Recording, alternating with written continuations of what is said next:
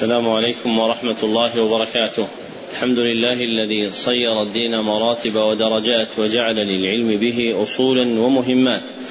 وأشهد أن لا إله إلا الله حقا وأشهد أن محمدا عبده ورسوله صدقا. اللهم صل على محمد وعلى آل محمد كما صليت على إبراهيم وعلى آل إبراهيم إنك حميد مجيد. اللهم بارك على محمد وعلى آل محمد كما باركت على إبراهيم وعلى آل إبراهيم إنك حميد مجيد.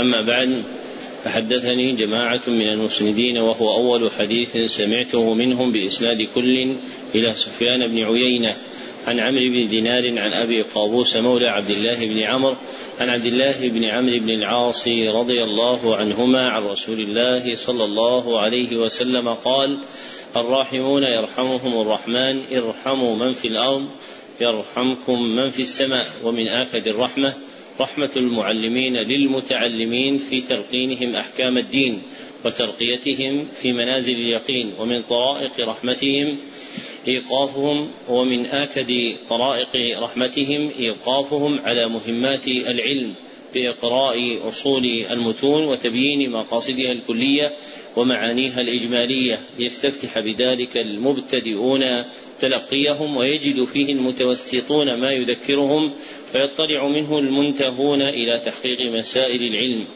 وهذا تتمة شرح الكتاب السادس من برنامج مهمات العلم في مرحلته الأولى وهو كتاب التوحيد الذي هو حق الله على العبيد لإمام الدعوة الإصلاحية في جزيرة العرب في القرن الثاني عشر الشيخ محمد بن عبد الوهاب التميمي رحمه الله المتوفى سنة ست بعد المئتين والألف. وقد انتهى بنا البيان إلى قوله رحمه الله فيه مسائل من باب من الشرك أن يستغيث بغير الله أو يدعو غيره نعم. أحسن الله إليكم. بسم الله الرحمن الرحيم. الحمد لله رب العالمين وصلى الله وسلم على نبينا محمد. قال رحمه الله تعالى فيه مسائل. الأولى أن عطف الدعاء على الاستغاثة من عطف العام على الخاص. قوله رحمه الله الأولى أن عطف الدعاء على الاستغاثة من عطف العام على الخاص. تقدم أن دعاء الله له في الشرع معنيان. أحدهما عام وهو امتثال خطاب الشرع المقترن بالحب والخضوع والآخر خاص وهو طلب العبد حصول ما ينفعه ودوامه وهو طلب العبد حصول ما ينفعه ودوامه أو دفع ما يضره ورفعه. وهو طلب العبد حصول ما ينفعه ودوامه أو دفع ما يضره ورفعه. والاستغاثه بالله شرعا هي طلب العبد الغوث من الله عند ورود الضرر. طلب العبد الغوث من الله عند ورود الضرر.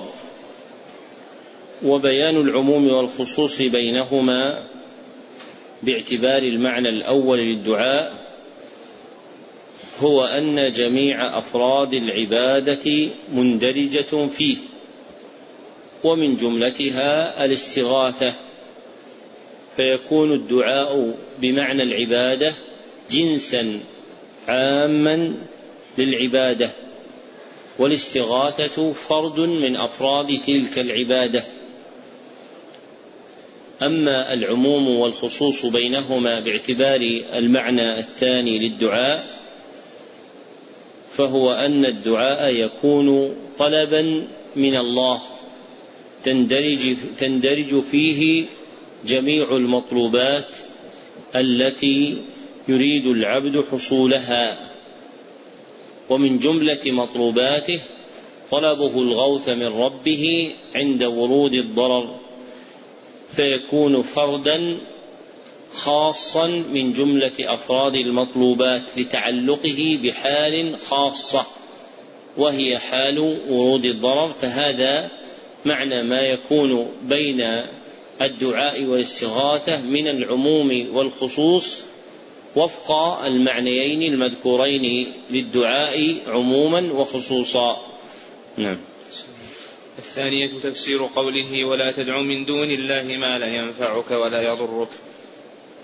الثالثة أن هذا هو الشرك الأكبر. الرابعة أن أصلح الناس لو فعله إرضاء لغيره صار من من الظالمين. الخامسة تفسير الآية التي بعدها. السادسة كون, كون, ذلك, كون ذلك لا ينفع في الدنيا مع كونه كفرا. السابعة تفسير الآية, الآية الثالثة. الثامنة أن طلب, أن طلب الرزق لا ينبغي إلا من الله كما أن الجنة لا تطلب إلا منه. التاسعة تفسير الآية الرابعة. العاشرة ذكر أنه لا أضل ممن دعا غير الله. الحادية عشرة أنه غافل عن دعاء الداعي لا يدري عنه. الثانية عشرة أن تلك الدعوة سبب لبغض المدعو للداعي وعداوته له. الثالثة عشر عشرة تسمية تلك الدعوة عبادة للمدعو الرابعة عشرة كفر المدعو بتلك العبادة. قوله رحمه الله الرابعة عشرة كفر المدعو بتلك العبادة أي لقوله تعالى في تمام الآيات في سورة الأحقاف كانوا لهم أعداء وكانوا بعبادتهم كافرين أي منكرين لها فمن يدعى من دون الله ينكر يوم القيامة دعاء من دعاه. نعم. الخامسة عشرة أن هذه الأمور هي سبب كونه أضل الناس. السادسة عشرة تفسير الآية الخامسة. السابعة عشرة الأمر العجيب وهو إقرار عبدة الأوثان أنه لا يجيب المضطر إلا الله ولأجل هذا يدعونه في الشدائد مخلصين له الدين. الثامنة عشرة حماية المصطفى, المصطفى صلى الله عليه وسلم حمى التوحيد والتأدب مع الله. باب قول الله تعالى أيشركون ما لا يخلق شيئا وهم يخلقون ولا يستطيعون لهم نصرا. الآية مقصود الترجمة بيان برهان عظيم من براهين التوحيد وهو قدرة الخالق وعجز المخلوق.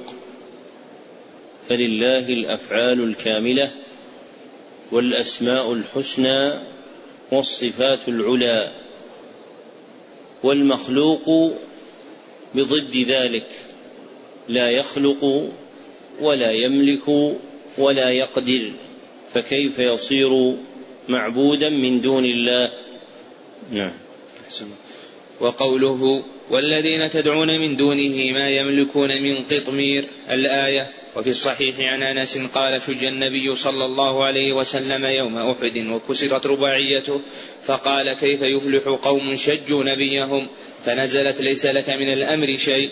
وفيه عن ابن عمر رضي الله عنهما أنه سمع رسول الله صلى الله عليه وسلم يقول إذا رفع رأسه من الركوع في الركعة الأخيرة من الفجر اللهم العن فلانا وفلانا بعدما يقول سمع الله لمن حمده ربنا ولك الحمد فأنزل الله ليس لك من الأمر شيء. وفي رواية يدعو على صفوان بن أمية وسهيل بن عمرو والحارث بن هشام فنزلت ليس لك من الأمر شيء. وفيه عن أبي هريرة رضي الله عنه قال قام رسول الله صلى الله عليه وسلم حين أنزل عليه وأنذر عشيرتك الأقربين. فقال يا معشر قريش أو كلمة نحوها اشتروا أنفسكم لا أغني عنكم من الله شيئا. يا عباس بن عبد المطلب لا أغني عنك من الله شيئا. يا صفية عمة رسول الله صلى الله عليه وسلم لا أغني عنك من, من, من الله شيئا. ويا فاطمة بنت محمد سليني من مالي ما شئت لا أغني عنك من الله شيئا. ذكر المصنف رحمه الله لتحقيق مقصود الترجمة خمسة أدلة. الدليل الأول قوله تعالى أيشركون ما لا يخلق شيئا. الآية والتي بعدها ودلالته على مقصود الترجمة في قوله تعالى ما لا يخلق شيئا مع قوله وهم يخلقون وفي قوله ولا يستطيعون لهم نصرا مع قوله ولا أنفسهم ينصرون فقرر عجز المخلوق بكونه لا يخلق. بل يخلق وأنه لا ينصر أحدا بل لا ينصر نفسه وحينئذ فهو عبد لا معبود. ولذلك قال الله تعالى بعدها بآية إن الذين تدعون من دون الله عباد أمثالكم لإظهار عجزهم وعدم صلاحيتهم للتأليه وتعظيم العبادة. والدليل الثاني قوله تعالى والذين تدعون من دونه الآية ودلالته على مقصود الترجمة في قوله تعالى ما يملكون من قطمير والقطمير اللفافة التي تكون على نواة التمر. فنفى الله عز وجل عنهم ملك شيء حقير. وهو القطمير فأنى لهم ملك ما فوقه ولله الملك كله. ولذلك قال الله قبلها ذلكم الله ربكم له الملك والذين تدعون من دونه ما يملكون من قطمير. فأثبت سبحانه وتعالى الملك الكامل له ونفاه عن غيره. مما يدل على عجزه وعدم صلاحيته للعبادة. والدليل الثالث حديث أنس بن مالك رضي الله عنه قال شج النبي صلى الله عليه وسلم يوم أحد وكسرت رباعيته الحديث متفق عليه ودلالته على مقصود الترجمة في إنزال قول الله تعالى ليس لك من الأمر شيء بعد قوله صلى الله عليه وسلم كيف يفلح قوم شجوا نبيهم؟ استبعادا منه صلى الله عليه وسلم لفلاحهم بعد فعلتهم التي فعلوا. فأخبر صلى الله عليه وسلم أنه ليس له من الحكم على الخلق شيء وأن التصرف في عواقب الأمور لله وحده كما قال تعالى بل لله الأمر جميعا. وقال وإلى الله ترجع الأمور. والدليل الرابع حديث ابن عمر رضي الله عنهما أنه سمع النبي صلى الله عليه وسلم يقول إذا رفع رأسه الحديث متفق عليه. ودلالته على مقصود الترجمة في إنزال قول الله تعالى ليس لك من الأمر شيء بعد قوله صلى الله عليه وسلم اللهم لعن فلانا وفلانا. وفيه المعنى المتقدم بحجب الحكم على الخلق عنه صلى الله عليه وسلم ومنعه من التصرف في عواقب الأمور وإذا كان هذا محكوما به في حق أفضل الخلق صلى الله عليه وسلم فكيف بغيره؟ وقد ذكر المصنف رحمه الله في الباب حديثين. في سبب نزول قوله تعالى ليس لك من الأمر شيء يختلف أحدهما عن الآخر ففي الحديث الأول أن سبب إنزالها هو قوله صلى الله عليه وسلم كيف يفلح قوم شجوا نبيهم وفي الحديث الثاني أن سبب نزولها هو دعاؤه صلى الله عليه وسلم عليهم في صلاته اللهم لعن فلانا وفلانا والذي يظهر أن الآية أنزلت في الأمرين جميعا فإنهما كانتا في قصة واحدة بعد وقوع ما وقع في غزوة أحد. وهذا ظاهر تصرف الإمام أبي عبد الله البخاري رحمه الله تعالى فيكون الأمران قد وقعا ثم نزلت الآية بعدهما. فصلحت أن تكون سببا لنزول الآية في الحديث الأول وصلحت أن تكون سببا للنزول المذكور في الحديث الثاني. والدليل الخامس حديث أبي هريرة رضي الله عنه قال قال رسول الله صلى الله عليه وسلم حين أنزل عليه وأنذر عشيرتك الأقربين الحديث متفق عليه ودلالته على مقصود الترجمة في قوله لا أغني عنكم من الله شيئا وقوله لا أغني عنك من الله شيئا وقوله لا أغني عنك من الله شيئا لأنه لا حكم للنبي صلى الله عليه وسلم في عواقب الأمور بل الحكم لله وحده. كما قال سبحانه وتعالى فيما ذكره عن يعقوب وما أغني عنكم من الله من شيء إن الحكم إلا لله. وما دون الأنبياء والصالحين والأولياء أولى بعدم الإغناء. فإذا كان صفوة خلق الله عز وجل لا يملكون لغيرهم ضرا ولا نفعا فإن ما دونهم في الرتبة أحرى ألا يملكوا شيئا في تصريف عواقب الأمور. نعم. الله. قال رحمه الله تعالى فيه مسائل. الأولى تفسير الآيتين. الثانية قصة أحد. الثالثة قنوت سيد المرسلين وخلفه سادات الأولياء. وخلفه. وخلفه سادات الأولياء يؤمنون يؤمنون في الصلاة. الرابعة الرابعة أن المدعو عليه كفار الخامسة أنهم فعلوا أشياء لا يفعلها غالب الكفار. منها شجهم نبيهم وحرصهم على قتله ومنها التمثيل بالقتلى مع أنهم بنو عمهم. السادسة أنزل الله عليه في ذلك ليس لك من الأمر شيء. السابعة قوله أو يتوب أو يتوب عليهم أو يعذبهم فتاب عليهم وآمنوا. الثامنة القنوت في النوازل. التاسعة تسمية المدعو عليه في الصلاة بأسمائهم وأسماء آبائهم. العاشرة لعن المعين في القنوت. الحادية عشرة قصته صلى الله عليه وسلم لما أنزل عليه وأنذر عشيرتك الأقربين. الثانية عشرة جده صلى الله عليه وسلم في هذا الأمر بحيث فعل ما نسب بسببه إلى الجنون وكذلك لو يفعله مسلم اليوم. الثالثة عشر وكذلك لو يفعله مسلم الآن. وكذلك لو يفعله مسلم الآن.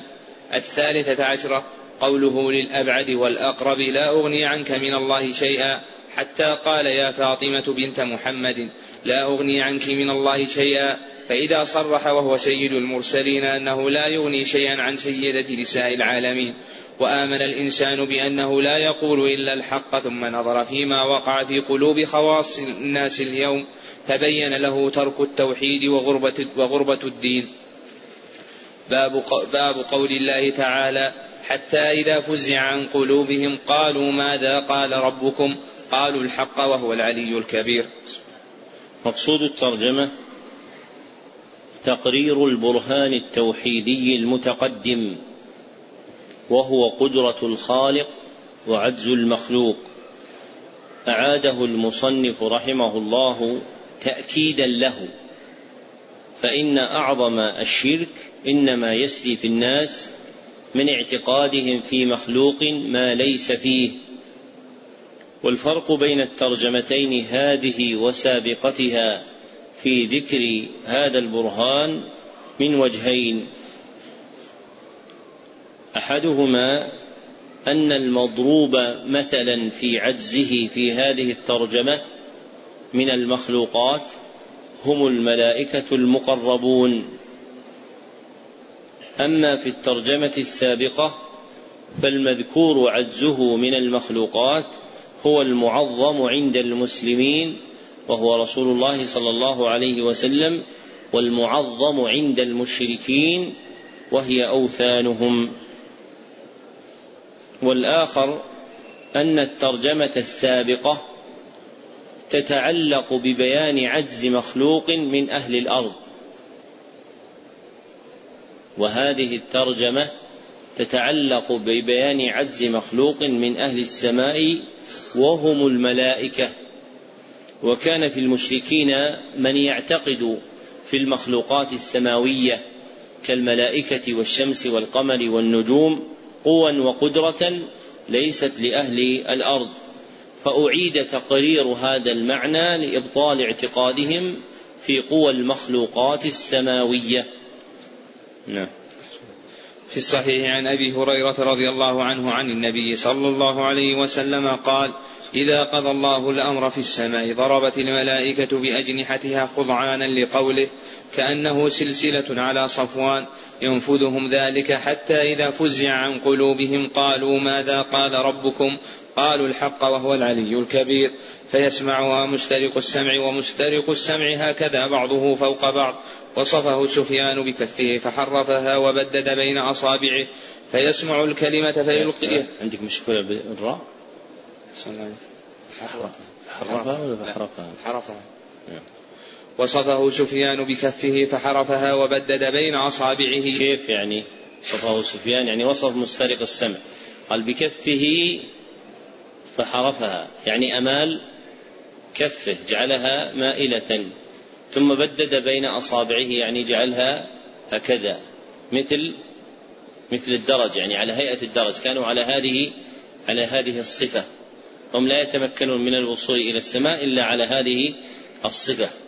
ومن النكت اللطيفة أنا أقول للإخوان دائما الشريعة في ما تبينه من الحقائق والصور والألفاظ لها معاني وليس هذا إيغالا في توهم أشياء لا حقائق لها. بل من كمل علمه في الشريعة فهم أسرار الشريعة في جعل حركة للحرف فوقه ولها معنى وكسرة تحته ولها معنى. ويجد في اللسان العربي ما يصدق. فقلت أقول للإخوان لماذا مسترق السمع؟ لم يكن صعودهم فوق بعضهم على نحو خلاف هذا بأن يكون على نحو مستقيم مثل العمود مثل الأسطوانة هذه. لماذا لا يرقون بهذا الأسطوانة حتى يأتوا إلى السماء؟ لأنه أقصر من أنهم إذا انحرفوا. إذا انحرفوا تطول المسافة. وأما إذا كان مستقيما فإنها تكون قصيرة. ومع ذلك لا يتمكنون إلا إذا كانوا على هذه الهيئة. يعني منحرفين مائلين كحال سفيان الثوري. لما وصف فمال يده فجعلها على هذه الصفة. ما الجواب؟ فهمتم السؤال؟ يعني السؤال لماذا الجن في استراق السمع ليش ما ركب بعضهم فوق بعض بشكل عمودي؟ وإنما ركب بشكل مائل. هذا السؤال. لماذا؟ نعم. ها؟ يتمكن يتمكنون الآن الناس مو بالجن. يتمكنون يركبون فوق بعض بحالة مستقيمة. الجواب أن الباطل لا يكون مستقيما أبدا. هذا الجواب. الباطل لا يكون مستقيم وإنما يكون مائل. فحتى الحركات فيها إشارات. الحركات التي تأتي في بيان الشريعة تكون متضمنة لبيان معان فيها خفية. ومن ذلك أيضا من, من هذا الباب أن الأحاديث التي جاءت في اليوم الآخر أحاديث طويلة. أطول الأحاديث هي التي وردت في اليوم الآخر أحوال اليوم الآخر. للتنبيه بالألفاظ إلى حقائق المعاني أن ذلك اليوم طويل وشاق. والذي يمعن النظر في هذا تفتح له أبواب الفهم في حقائق الشريعة. نعم. فيسمع الكلمة فيلقيها إلى من تحته ثم يلقيها الآخر إلى من تحته حتى يلقيها على لسان الساحر أو الكاهن. فربما أدركه الشهاب قبل أن يلقيها وربما ألقاها قبل أن يدركه. فيكذب معها مئة كذبة فيقال أليس قد قال لنا يوم كذا وكذا كذا وكذا؟ فيصدق بتلك الكلمة التي سمعت من السماء. وعن النواس بن سمعان رضي الله عنه قال قال رسول الله صلى الله عليه وسلم إذا أراد الله تعالى أن يوحي بالأمر تكلم بالوحي أخذت السماوات السماوات أخذت السماوات منه رجفة أو أخذت السماوات منه رجفة أو قال رعدة شديدة خوفا من الله عز وجل. فإذا سمع ذلك أهل السماوات صعقوا وخروا لله سجدا. فيكون أول من يرفع رأسه جبريل على جبريل. جبرائيل. جبرائيل. فيكون أول من يرفع رأسه جبرائيل. فيكلمه الله من وحيه بما أراد. ثم يمر جبرائيل, جبرائيل على الملائكة. كلما مر بسماء سأله ملائكتها ماذا قال ربنا يا جبرائيل؟ فيقول جبرائيل قال الحق وهو العلي الكبير. قال الحق. قال الحق أحسن الله إليك. قال الحق وهو العلي الكبير. فيقولون كلهم مثل ما قال جبرائيل. فينتهي جبرائيل بالوحي إلى حيث أمره الله عز وجل. ذكر المصنف رحمه الله لتحقيق مقصود الترجمة ثلاثة أدلة. فالدليل الأول قوله تعالى حتى إذا فزع عن قلوبهم الآية ودلالته على مقصود الترجمة في قوله إذا فزع عن قلوبهم مع قوله وهو العلي الكبير فالملائكة يلحقهم فزع إذا قضي الأمر في السماء ففيه بيان عجزهم وأن الله له العلو والكبر. والدليل الثاني حديث أبي هريرة رضي الله عنه عن النبي صلى الله عليه وسلم قال إذا قضى الله الأمر في السماء الحديث متفق عليه. ودلالته على مقصود الترجمة في قوله حتى إذا فزع عن قلوبهم مع قوله وهو العلي الكبير فالملائكة يلحقهم الفزع والله له العلو والكبر. وهذا الحديث مفسر للآية المذكورة والضمير في قوله صلى الله عليه وسلم كأنه سلسلة على صفوان راجع إلى إيش؟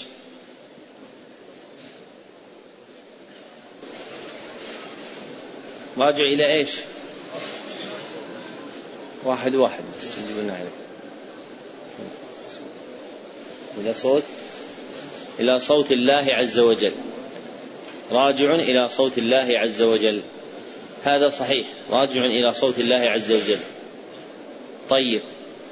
إذا كان كذلك إذا قلنا بأنه راجع إلى الله عز وجل صار هذا تشبيها.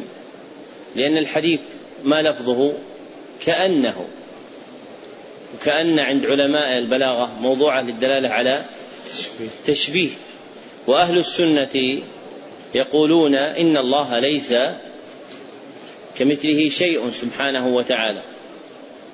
فما الجواب؟ نعم أنت أنت. تشبيه؟ تشبيه الصوت بالصوت؟ خلاص هذا تشبيه. ها أحسنت. تشبيه السماع بالسماع. تشبيه السماع بالسماع. لا تشبيه المسموع بالمسموع. مثل حديث جرير بن عبد الله في الصحيحين أن النبي صلى الله عليه وسلم قال إنكم سترون ربكم كما ترون القمر ليلة ليلة البدر. فهذا كما ترون القمر ليلة البدر. فالتشبيه هنا تشبيه المرء بالمرء أم الرؤية بالرؤية؟ الرؤية بالرؤية. لا المرء بالمرء. وكذلك في حديث الباب تشبيه السماع بالسماع لا تشبيه المسموع بالمسموع. والدليل الثالث حديث النواس بن سمعان. وقع في بعض شروح التوحيد المتأخرة عزو هذا إلى صوت الملائكة أن هذا صوت الملائكة. وهذه زلة كبيرة. قال الإمام أحمد من قال إنه صوت الملائكة فهو قول الجهمية. لكن قد يقع الغلط لذهول الإنسان أو سهوه. ما يذهب الإنسان يبحث عن هذا الشرح وسيجده ثم يقول فلان جهمي. هذا غلط وجهل كبير ودال على نقص في العقل ونقص في الدين.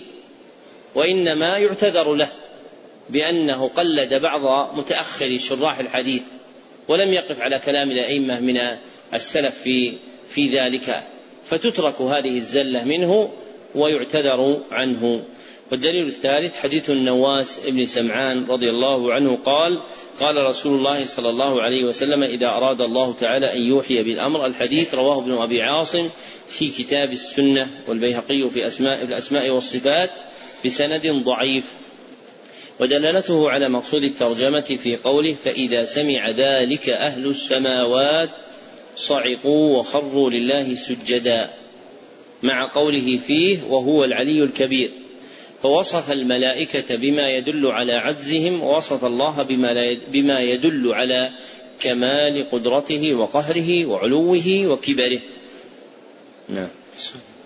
قال رحمه الله تعالى فيه مسائل.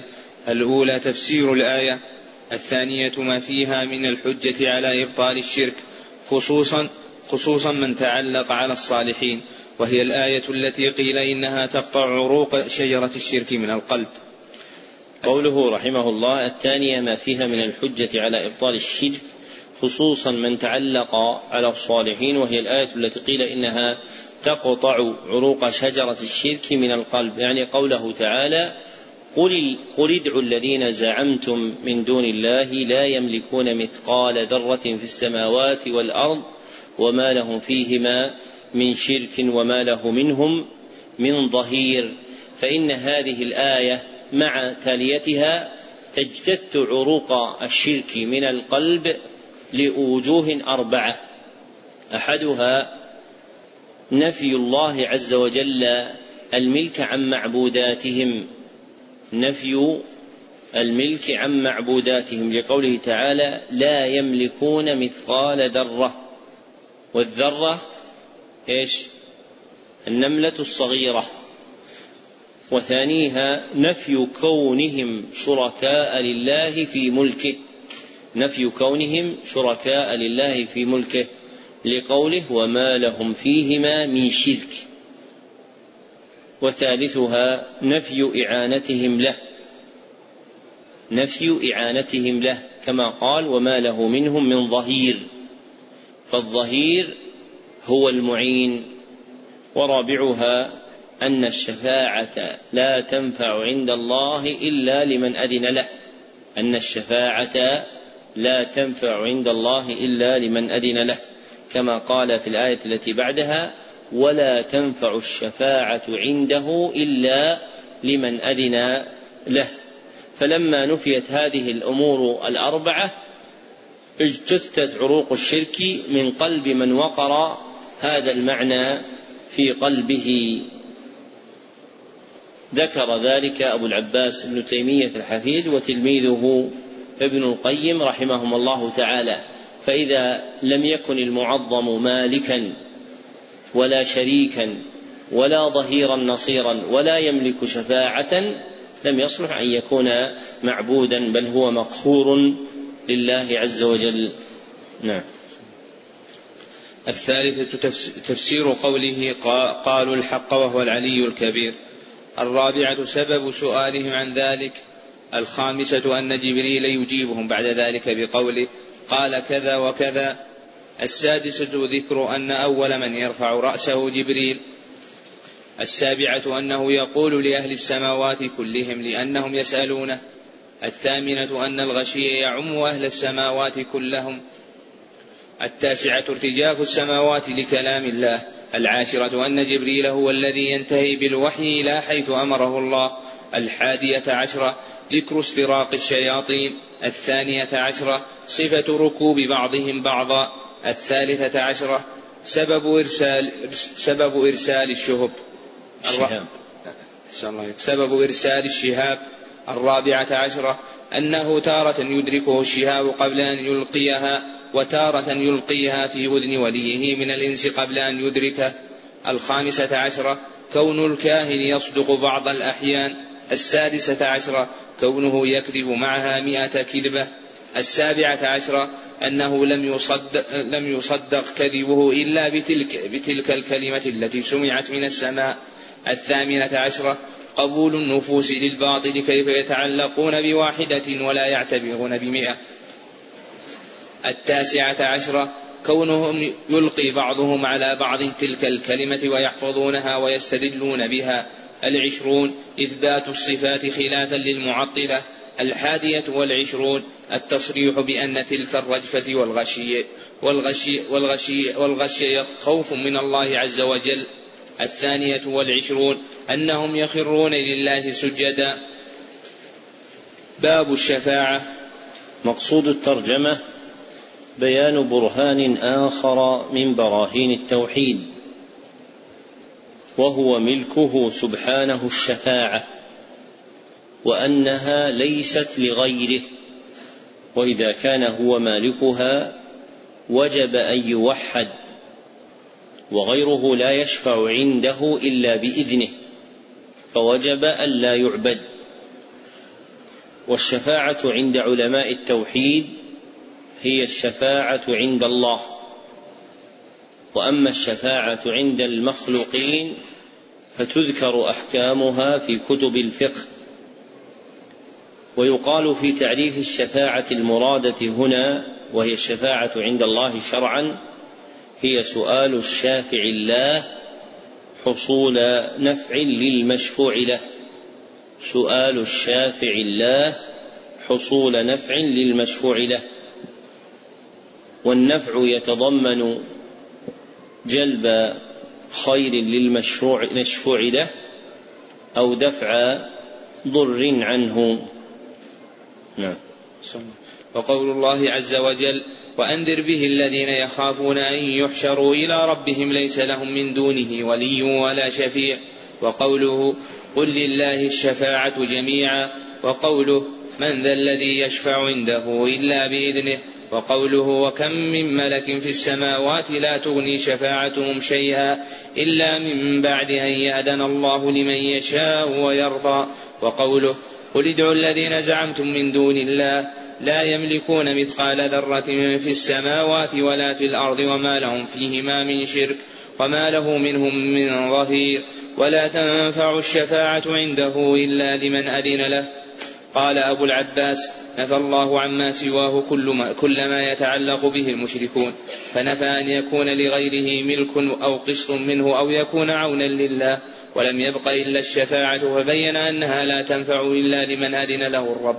كما قال ولا يشفعون إلا لمن ارتضى فهذه الشفاعة التي يظنها المشركون هي منتفية يوم القيامة كما نفاها القرآن وأخبر النبي صلى الله عليه وسلم أنه يأتي فيسجد لربه فيسجد لربه ويحمده لا يبدأ بالشفاعة أولا ثم يقال له ارفع رأسك وقل يسمع وسل تعطى واشفع تشفع.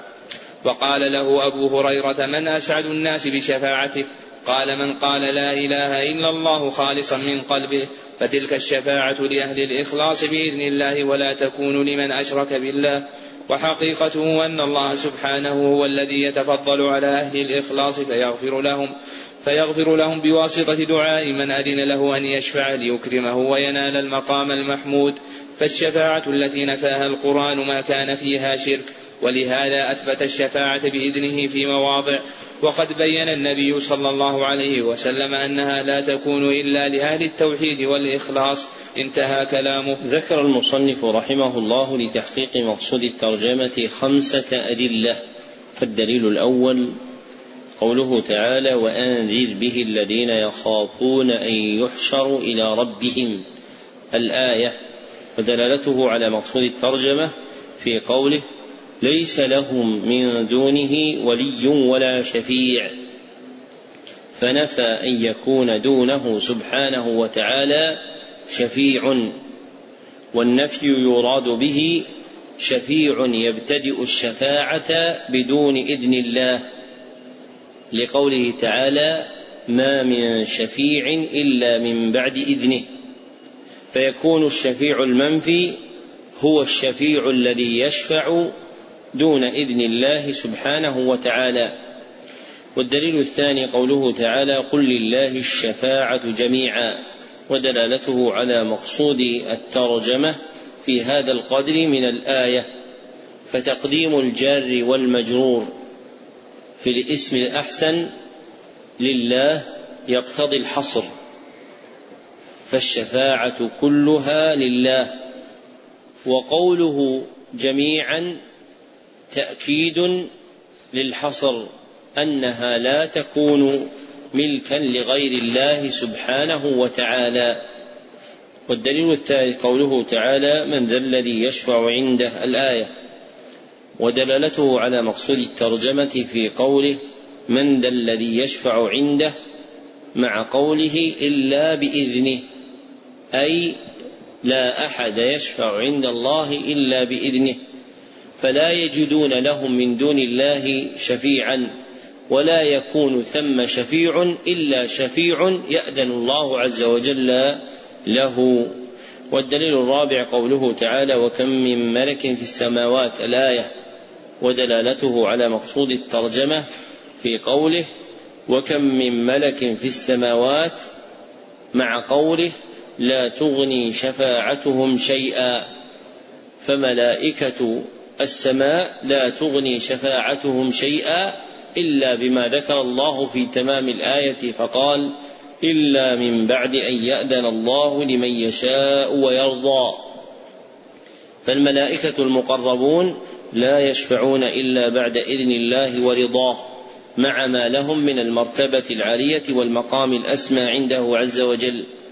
والدليل الخامس قوله تعالى قل ادعوا الذين زعمتم من دون الله الآية والتي تليها ودلالته على مقصود الترجمة في قوله ولا تنفع الشفاعة عنده إلا لمن أذن له فنفى سبحانه وتعالى كل شفاعة تكون إلا شفاعة تصدر بعد إذنه سبحانه وتعالى فلا تنفع الشفاعة عند الله إلا من بعد إذنه.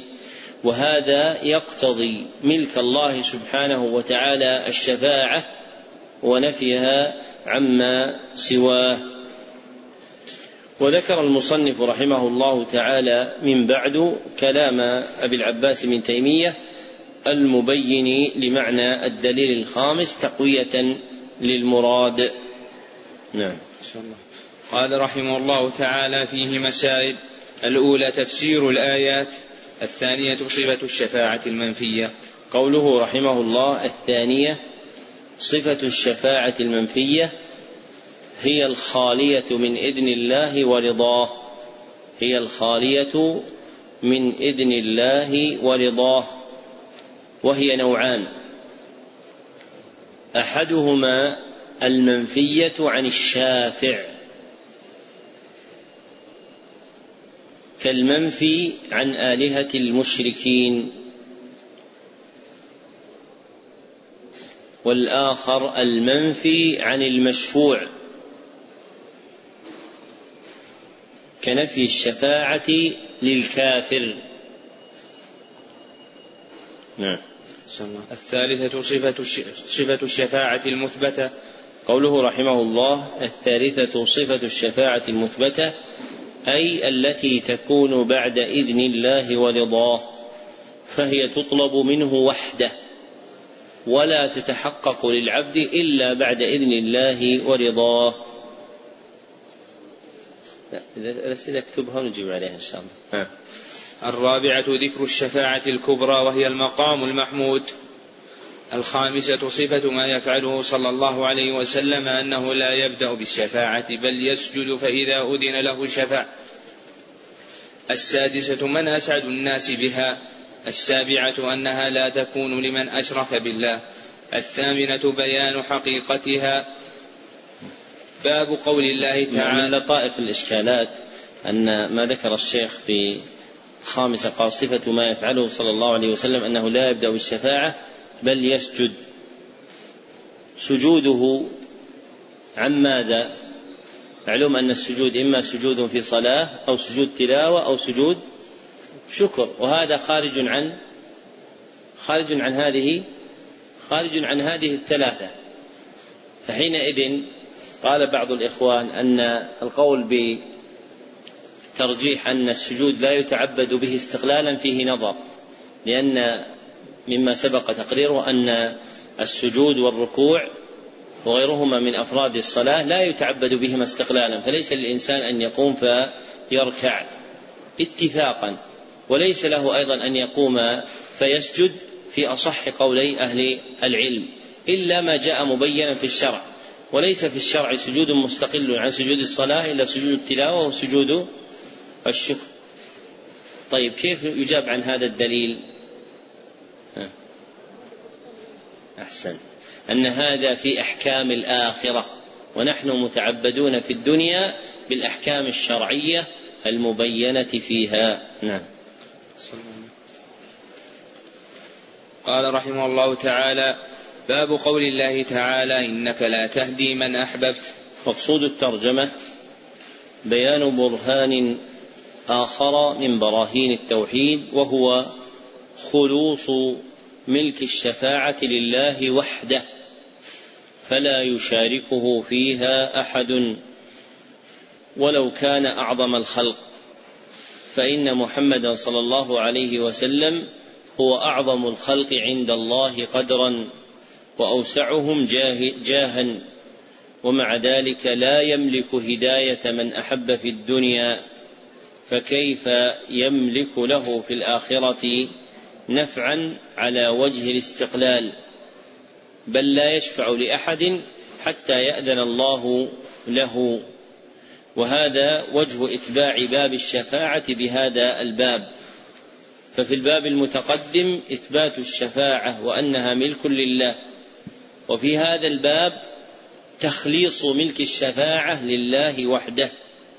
فإن من يملك شيئا ربما شاركه غيره. فلإبطال هذا الاحتمال عقد المصنف هذا الباب مبينا أن ما سبق ذكره من ملك الشفاعة لله لا يتطرق إليه احتمال أن يكون مالكا لها مع وجود غيره ممن يملكها بل هي خالصة لله وحده. والهداية المنفية عنه صلى الله عليه وسلم في هذا الباب المترجم بقوله تعالى إنك لا تهدي من أحببت هي هداية التوفيق والإلهام. أما هداية البيان والإرشاد فإنها ثابتة له كما قال تعالى وإنك لتهدي إلى صراط مستقيم فحينئذ يجمع بين الآيتين بما ذكر من اختلاف نوعي الهداية. واضح؟ يعني الآيتين كيف نجمع بينها؟ أن الهداية التي في تلك غير الهداية التي في تلك. فقوله تعالى إنك لا تهدي من أحببت يعني لا تهدي هداية توفيق وإلهام. وقوله تعالى وإنك لتهدي إلى صراط مستقيم يعني هداية بيان وإرشاد.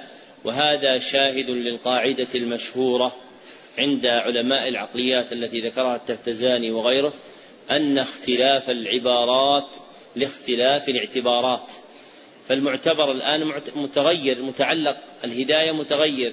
في الآية الأولى متعلقها التوفيق والإلهام وفي العبارة الآية الثانية الثانية متعلقها البيان والإرشاد.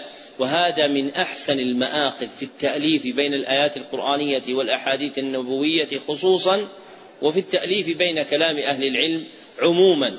فإذا أردت أن تحكم على شيء منها فانظر متعلقه. فإنك إذا ميزت متعلق هذا ومتعلق هذا تبين لك التأليف بينهما. نعم.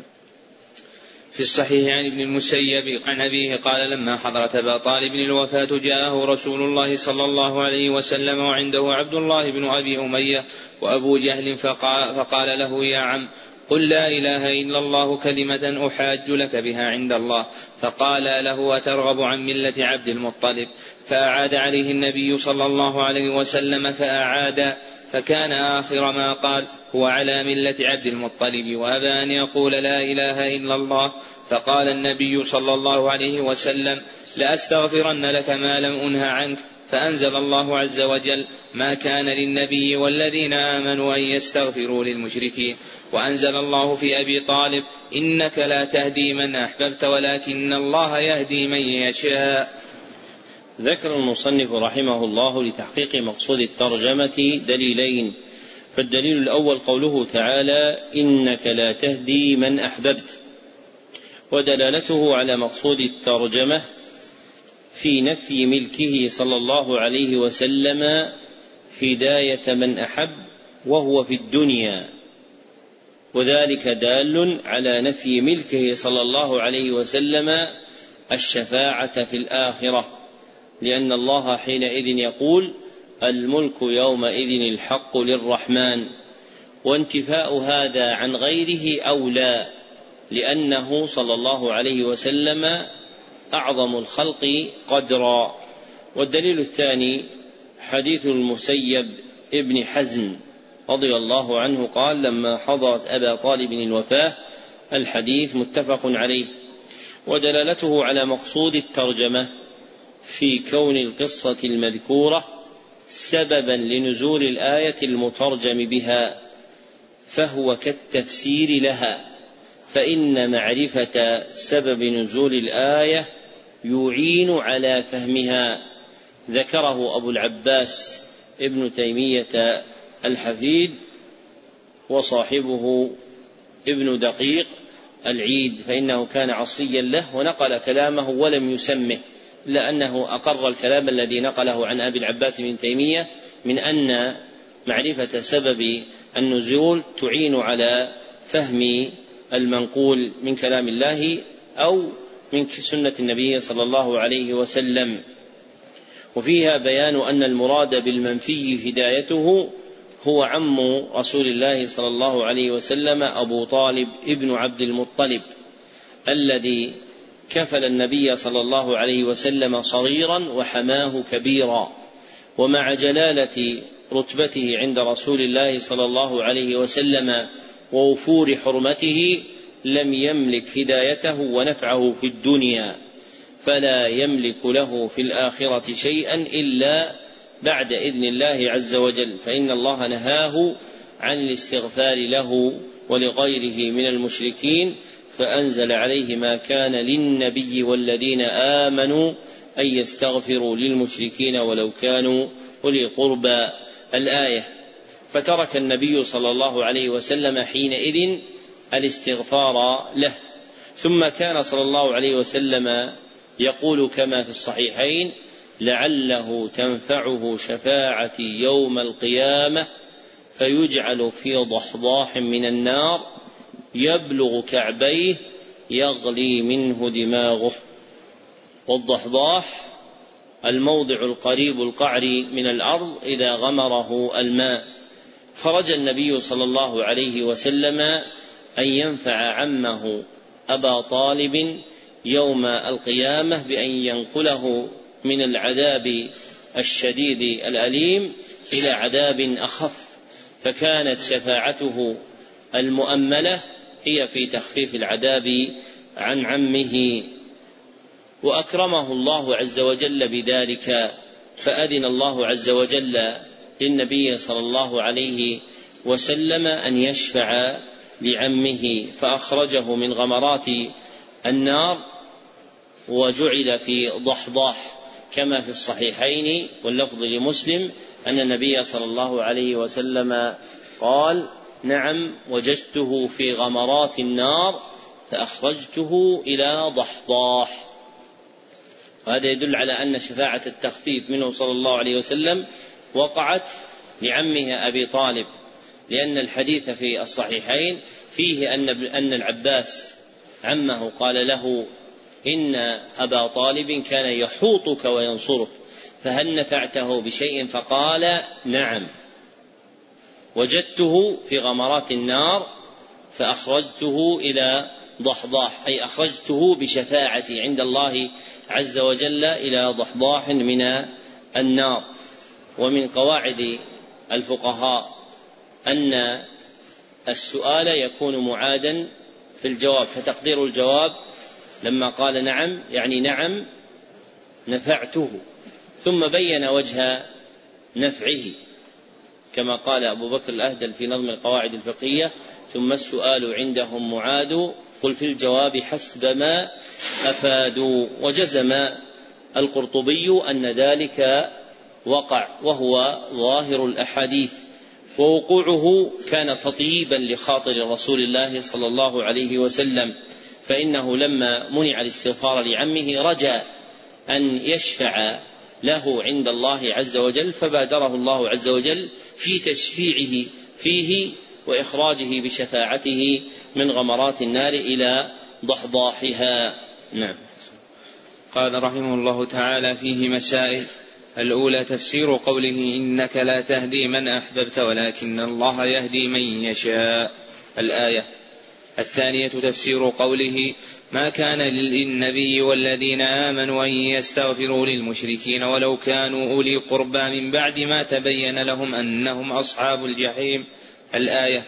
الثالثة وهي المسألة الكبيرة تفسير قوله قل لا إله إلا الله بخلاف ما عليه من يدعي العلم. الرابعة أن أبا جهل ومن معه يعرفون مراد النبي صلى الله عليه وسلم إذا قال للرجل قل لا إله إلا الله فقبح الله من أبو جهل أعلم منه بأصل الإسلام. قوله رحمه الله الرابعة أن أبا جهل ومن معه يعرفون مراد النبي صلى الله عليه وسلم إذا قال للرجل قل لا إله إلا الله فقبح الله من أبو جهل أعلم منه بأصل الإسلام. أي فمراد النبي صلى الله عليه وسلم من الأمر بقولها هو اعتقاد معناها والعمل بمقتضاها. فمن قال لا إله إلا الله ثم لم يبطل عبادة غير الله فإنه لم يفهم الإسلام أصلا. وكان أبو جهل وأضرابه خيرا منه في معرفة المقصود منها وأن المقصود هو قولها باللسان مع اعتقاد معناها والعمل بمقتضاها. الذي يتضمن إبطال الآلهة وأبو جهل وأضرابه فهموا ذلك إلا أنهم استنكفوا واستكبروا وكانوا قوما بورا. نعم. الخامسة جده صلى الله عليه وسلم ومبالغته في إسلام عمه. السادسة الرد على من زعم, من زعم إسلام عبد المطلب عبد المطلب وأسلافه. السابعة كونه صلى الله عليه وسلم استغفر له فلم يغفر له. بل نهي عن ذلك. الثامنة مضرة أصحاب السوء على الإنسان. التاسعة مضرة تعظيم الأسلاف والأكابر. العاشرة الشبهة للمبطل كيف, كيف هذه مضرة تعظيم الأسلاف والأكابر؟ هذه مشكلة. شيخ الإسلام ابن تيمية في الواسطية يقول من طريقتهم اتباع آثار رسول الله صلى الله عليه وسلم واتباع سبيل السلف السابقين من الصحابة والمهاجرين. كيف مضرة تعظيم الأسلاف والأكابر؟ أكيد هذه المسألة فيها شيء؟ إذا كان جعل قولهم مخالفا حكم أحسنت لابد من هذا القيد. مضرة تعظيم الأسلاف والأكابر إذا جعل قولهم حكما مع كونه مخالفا للشريعة. هنا يأتي مضرة تعظيم الأسلاف والأكابر. إذا جعل قولهم حكما مع كونه مخالفا للشريعة. أما إذا كان قولهم موافقا للشريعة هذا مأمور به شرعا أم غير مأمور به شرعا؟ مأمور به شرعا. نعم. العاشرة الشبهة للمبطلين في ذلك لاستدلال أبي جهل بذلك. قوله رحمه الله العاشرة الشبهة للمبطلين في ذلك لاستدلال أبي جهل بذلك أي الشبهة للمبطلين في تعظيم الأسلاف. أي الشبهة للمبطلين في تعظيم الأسلاف مع كونهم من أهل الباطل. لقول أبي جهل أترغب عن ملة عبد المطلب. فذكر له سلفا معظما. نعم. الحادية عشرة. الشاهد لكون الأعمال بالخواتيم لأنه لو قالها لنفعته الثانية عشرة. التأمل في كبار هذه الشبهة في قلوب الضالين لأن, لأن في القصة أنهم لم يجادلوه إلا بها. مع مبالغته صلى الله عليه وسلم وتكريره فلأجل, فلأجل عظمتها ووضوحها عندهم اقتصروا عليها باب ما جاء أن باب ما جاء أن سبب كفر بني كفر بني آدم وتركهم دينهم هو الغلو في الصالحين. مقصود الترجمة بيان سبب وقوع الناس في الشرك. بيان سبب وقوع الناس في الشرك مع ظهور براهين التوحيد وهو الغلو في الصالحين لأن الصالح له قدر عند الله وعند الناس ويكون في الناس من يبالغ في حقه ويعظم قدره حتى يخرجه عما أمرت به الشريعة فيقع العبد في الشرك بعبادتهم من دون الله. والغلو هو مجاوزة الحد المأذون فيه شرعا. ومجاوزة الحد المأذون فيه شرعا. فكل ما جاوز الحد الذي أذنت به الشريعة فإن المجاوز واقع في الغلو. نعم. وقول الله عز وجل يا أهل الكتاب لا تغلوا في دينكم. في الصحيح عن ابن عباس رضي الله عنهما في قوله تعالى وقالوا لا تذرن آلهتكم ولا تذرن ودا ولا سواعا ولا يغوث ويعوق ونسرا. وقالوا لا, وقالوا لا تذرن آلهتكم ولا تذرن ود ودا ولا سواعا ولا أحسن ولا سواعا ولا يغوث ويعوق ونسرا. قال هذه أسماء رجال صالحين من قوم نوح. الإخوان اللي يصلحون يتأنون. ينبغي الإنسان إذا رأى خطأ ينتظر. إن إما أن يصلح أنا أو يتنبأ ينبه بلطف. أما أن يرد مجموعة هذا لا يحسن. عبد المؤمن بن خلف الدمياطي الحافظ قصد جماعة يقرؤون الحديث في مسجد. يرجو أنهم أصحاب حديث. فلما دخل عليهم سمعهم يقولون وعن عبد الله بن سلام رضي الله عنه فقال سلام سلام عليكم سلام وخرج. نعم. قال هذه أسماء رجال صالحين من قوم نوح فلما هلكوا أوحى, أوحى الشيطان إلى قومهم أن ينصبوا إلى مجالسهم التي كانوا يجلسون فيها أنصابا أنصابا وسموها بأسمائهم ففعلوا ولم تعبد. حتى إذا هلك أولئك, أولئك ونسي العلم عبدت. وقال ابن القيم قال غير واحد من السلف لما ماتوا عكفوا على قبورهم ثم صوروا تماثيلهم ثم طال عليهم الأمد فعبدوهم. وعن عمر أن رسول الله صلى الله عليه وسلم قال لا تطروني كما أطرت النصارى ابن مريم إنما أنا عبد فقولوا عبد الله ورسوله. أخرجاه. قال قال رسول الله صلى الله عليه وسلم إياكم والغلو فإنما أهلك من كان قبلكم الغلو. ولمسلم عن ابن مسعود أن رسول الله صلى الله عليه وسلم قال هلك المتنطعون. قالها ثلاثا ذكر المصنف رحمه الله لتحقيق مقصود الترجمة خمسة أدلة. الدليل الأول قوله تعالى يا أهل الكتاب الآية ودلالته على مقصود الترجمة في قوله تعالى لا تغلوا في دينكم فذكر أن من أفعالهم الغلو في الدين. وسياق الآيات دال على أن غلوهم فيه هو قولهم في عيسى وأمه لما ألهوهما قالوا إن الله ثالث ثلاثة. وقالوا قولهم في عزير إنه ابن الله. والأول دين النصارى والثاني دين اليهود.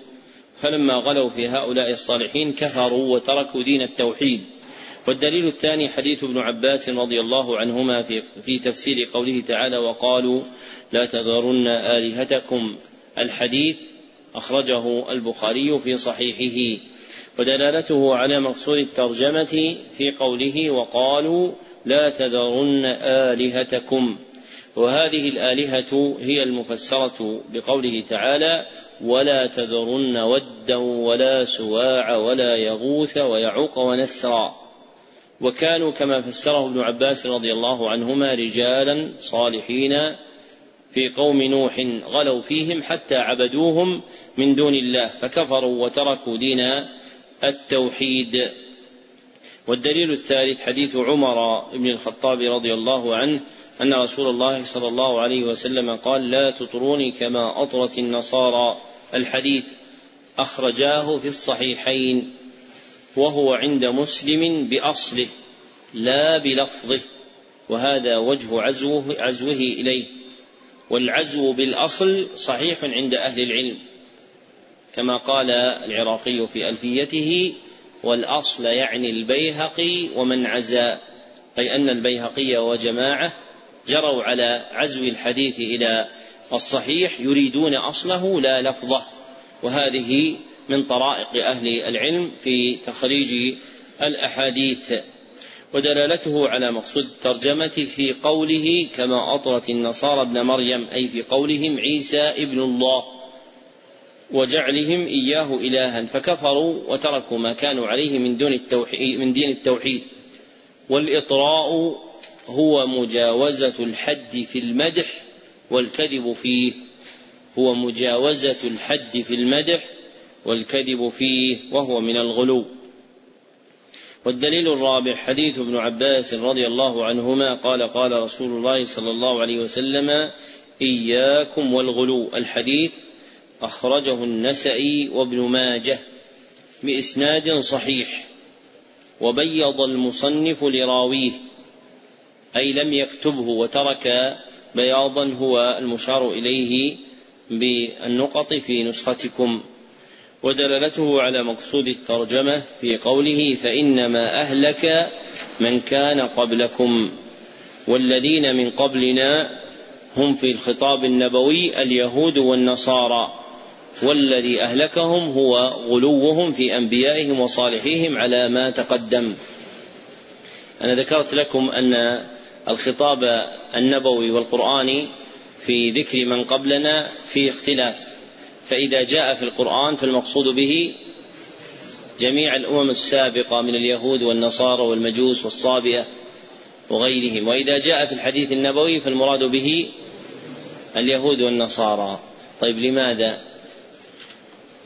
أنا سألتكم قبل شهر قلت لماذا وابحثوا عنها؟ نعم. تفضل. أنت تفضل. نعم. اي صحيح هذا دل عليه الاستقراء أنه قال من هم يا رسول الله؟ قال قالوا اليهود والنصارى قال فمن؟ هذا صريح أن النبي صلى الله عليه وسلم بين أنه إذا ورد في الحديث النبوي من قبلكم؟ فالمراد به اليهود والنصارى. لكن لماذا وقع هكذا؟ في الحديث النبوي اليهود والنصارى. وفي الآيات القرآنية المقصود به الأمم السابقة جميعا. غيره. لأنهم كانوا معاصرين للعرب. لأن العرب كانوا يعرفون اليهود والنصارى وعندهم علم من أخبارهم ولا علم عندهم بأخبار الأمم السابقة. فلم يكن فاشيا عند العرب تواريخ الأخبار الأمم السابقة لأن العرب أمة أمية ولم تعتني بأخبار من سبق بنا الأمم وإنما كانوا يعرفون من عندهم. فكان النبي صلى الله عليه وسلم إذا خاطبهم خاطبهم بمعهود علمه وعلمهم فإنهم يعرفون من علمه هو أي العلم البشري الذي يتعلق به هو من حيث كونه بشرا أنه يعرف اليهود والنصارى من حوله وكذلك هم في جزيرة العرب يعرفون اليهود والنصارى. أما في الخطاب القرآني فوقع عاما لما قبلنا لشمول علم الله سبحانه وتعالى لما قبلنا من اليهود والنصارى والصابية والمجوس وغيرهم. والدليل الخامس حديث ابن مسعود رضي الله عنه أن رسول الله صلى الله عليه وسلم قال هلك المتنطعون. الحديث رواه مسلم. ودلالته على مقصود الترجمة في الإخبار عن هلاك المتنطعين. والتنطع هو التعمق والغلو. وأصله التقعر في الكلام. أصله التقعر في الكلام ثم استعمل في كل غلو.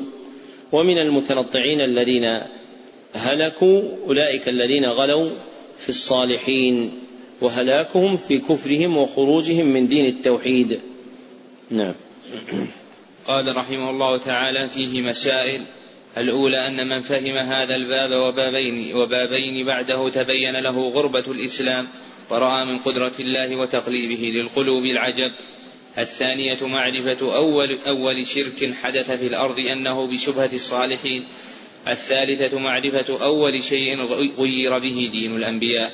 وما سبب ذلك مع معرفة أن الله أرسلهم. الرابعة قبول البدع مع كون الشرائع والفطر تردها. الخامسة أن سبب ذلك كله مزج الحق بالباطل. فالأول محبة الصالحين.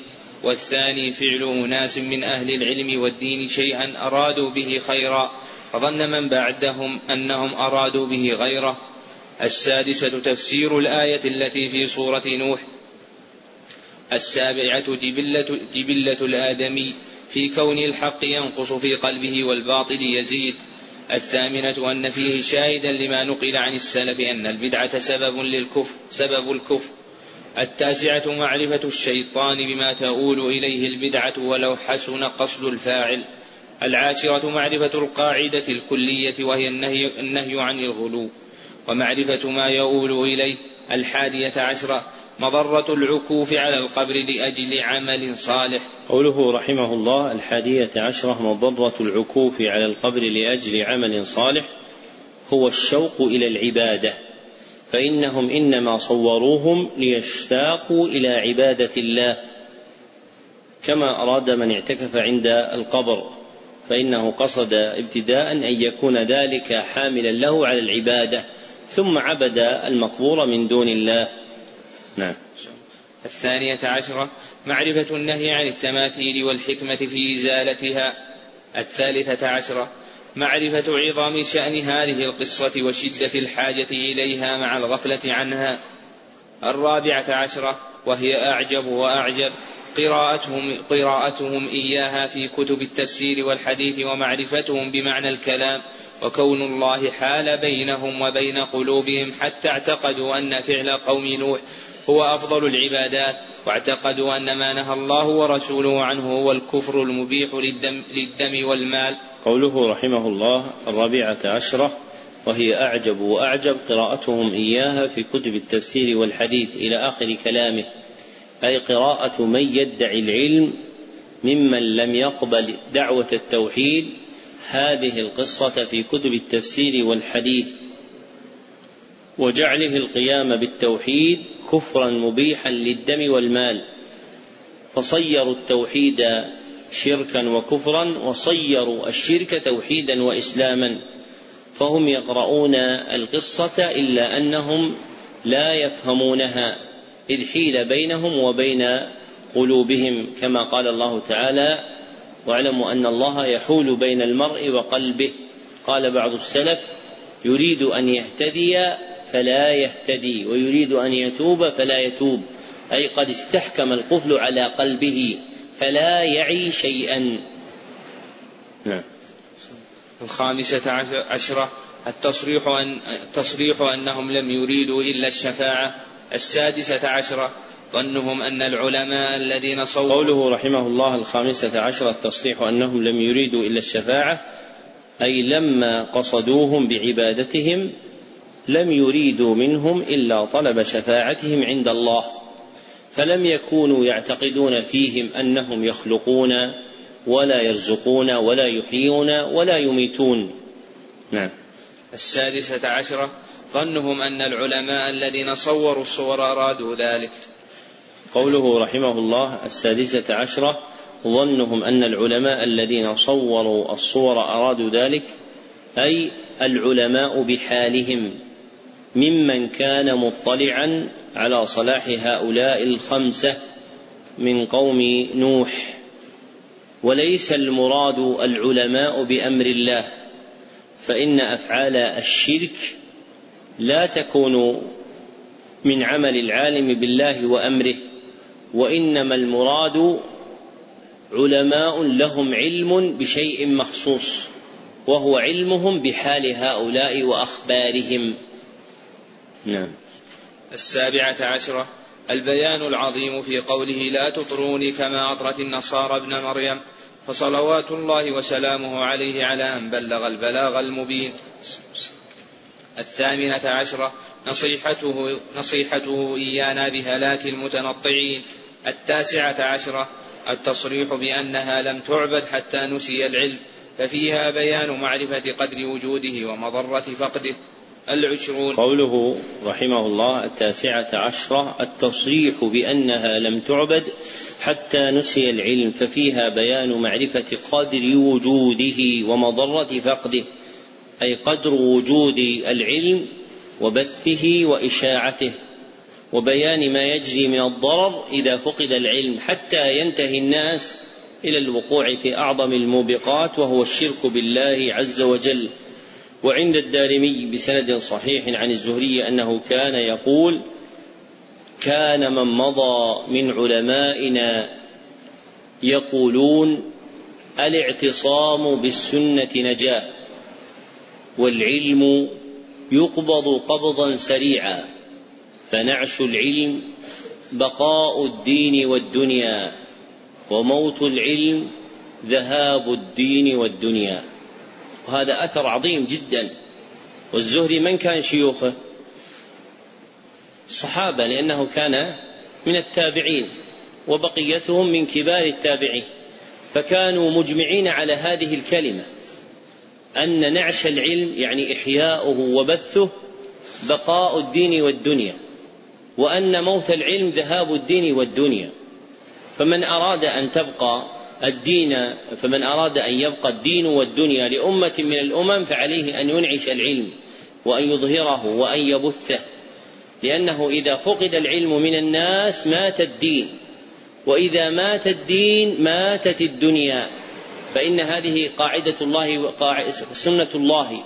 فإن هذه سنة الله الإلهية في أهل الإسلام. أنهم إذا تركوا دين الله أذلهم الله وسلط عليهم أعداءهم.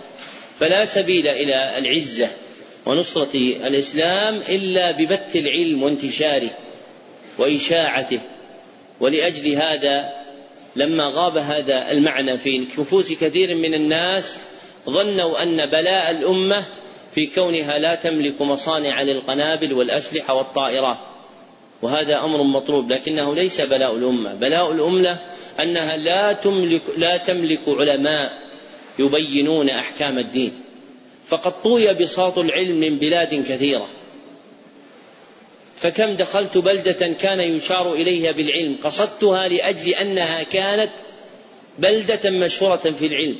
هناك قرية كانت يا إخوان في السودان لمدة أربعمائة سنة. وهذه القرية كانت مصدر من مصادر العلم.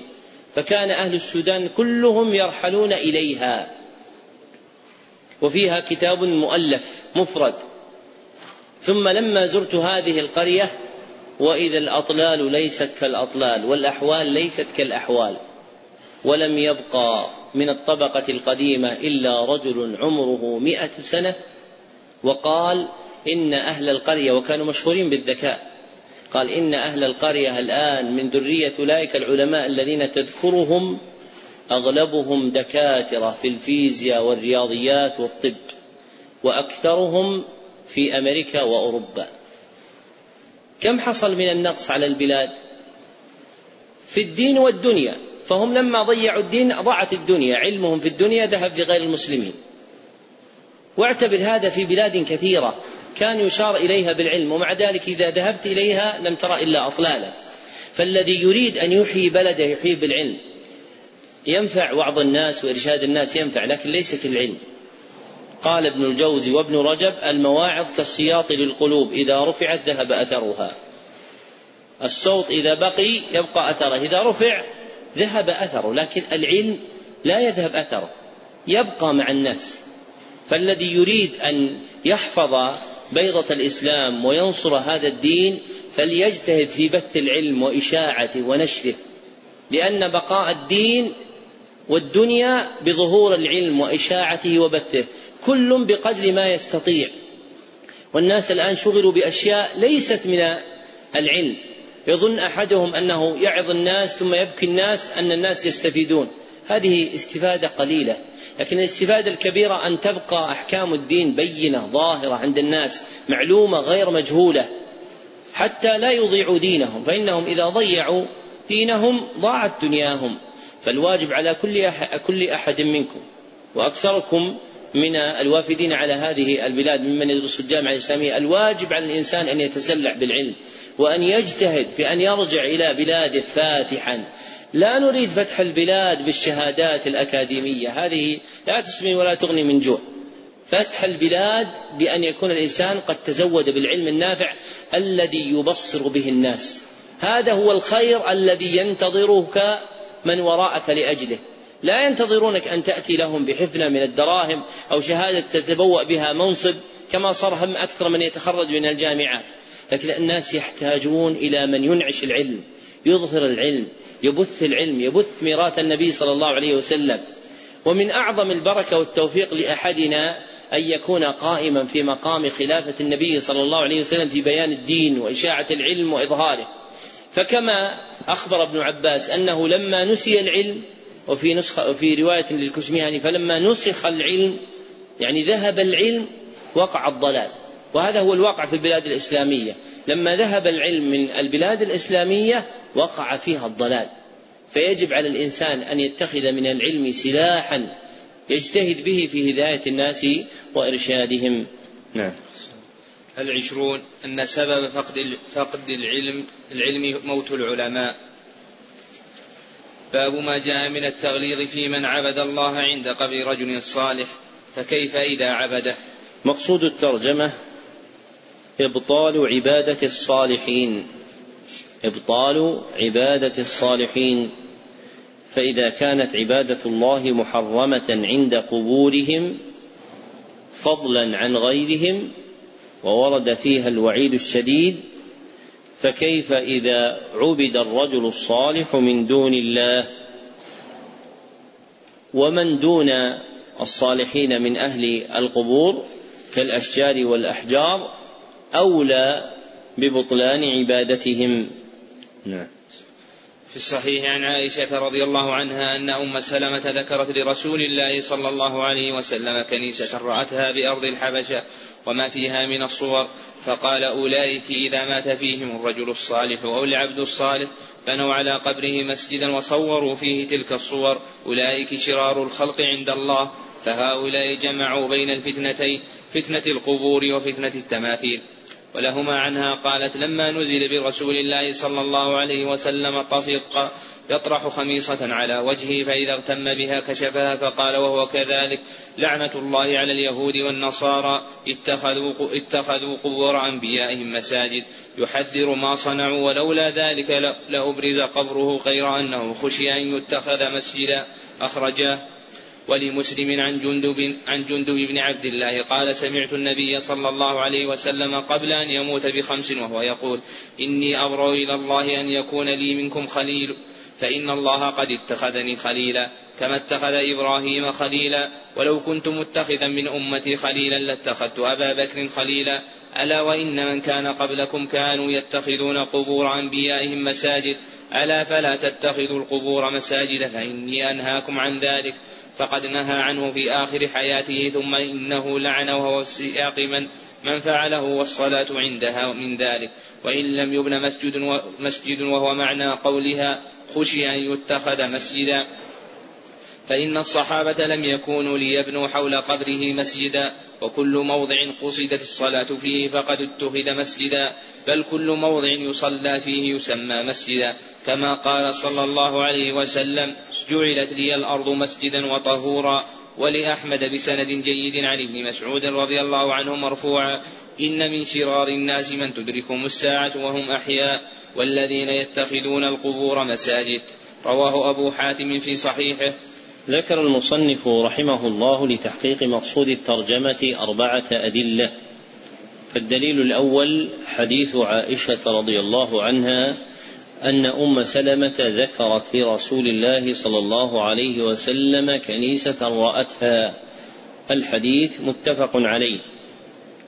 ودلالته على مقصود الترجمة في قوله بنوا على قبره مسجدا وصوروا فيه تلك الصور مع قوله أولئك شرار الخلق عند الله فهم إنما بنوا المسجد على قبر الرجل الصالح وصوروه فيه ليعبدوا الله عنده وتحملهم مشاهدته على الشوق إلى عبادة الله.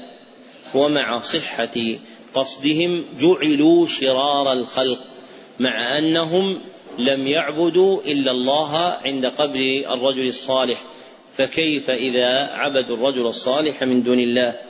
والدليل الثاني حديث عائشة رضي الله عنها قالت لما نزل برسول الله صلى الله عليه وسلم الحديث متفق عليه ودلالته على مقصود الترجمة في قوله اتخذوا قبور أنبيائهم مساجد مع قوله لعنة الله على اليهود والنصارى فإنهم اتخذوا قبور الأنبياء مساجد ليعبدوا الله عندها ومع ذلك لعنهم الله.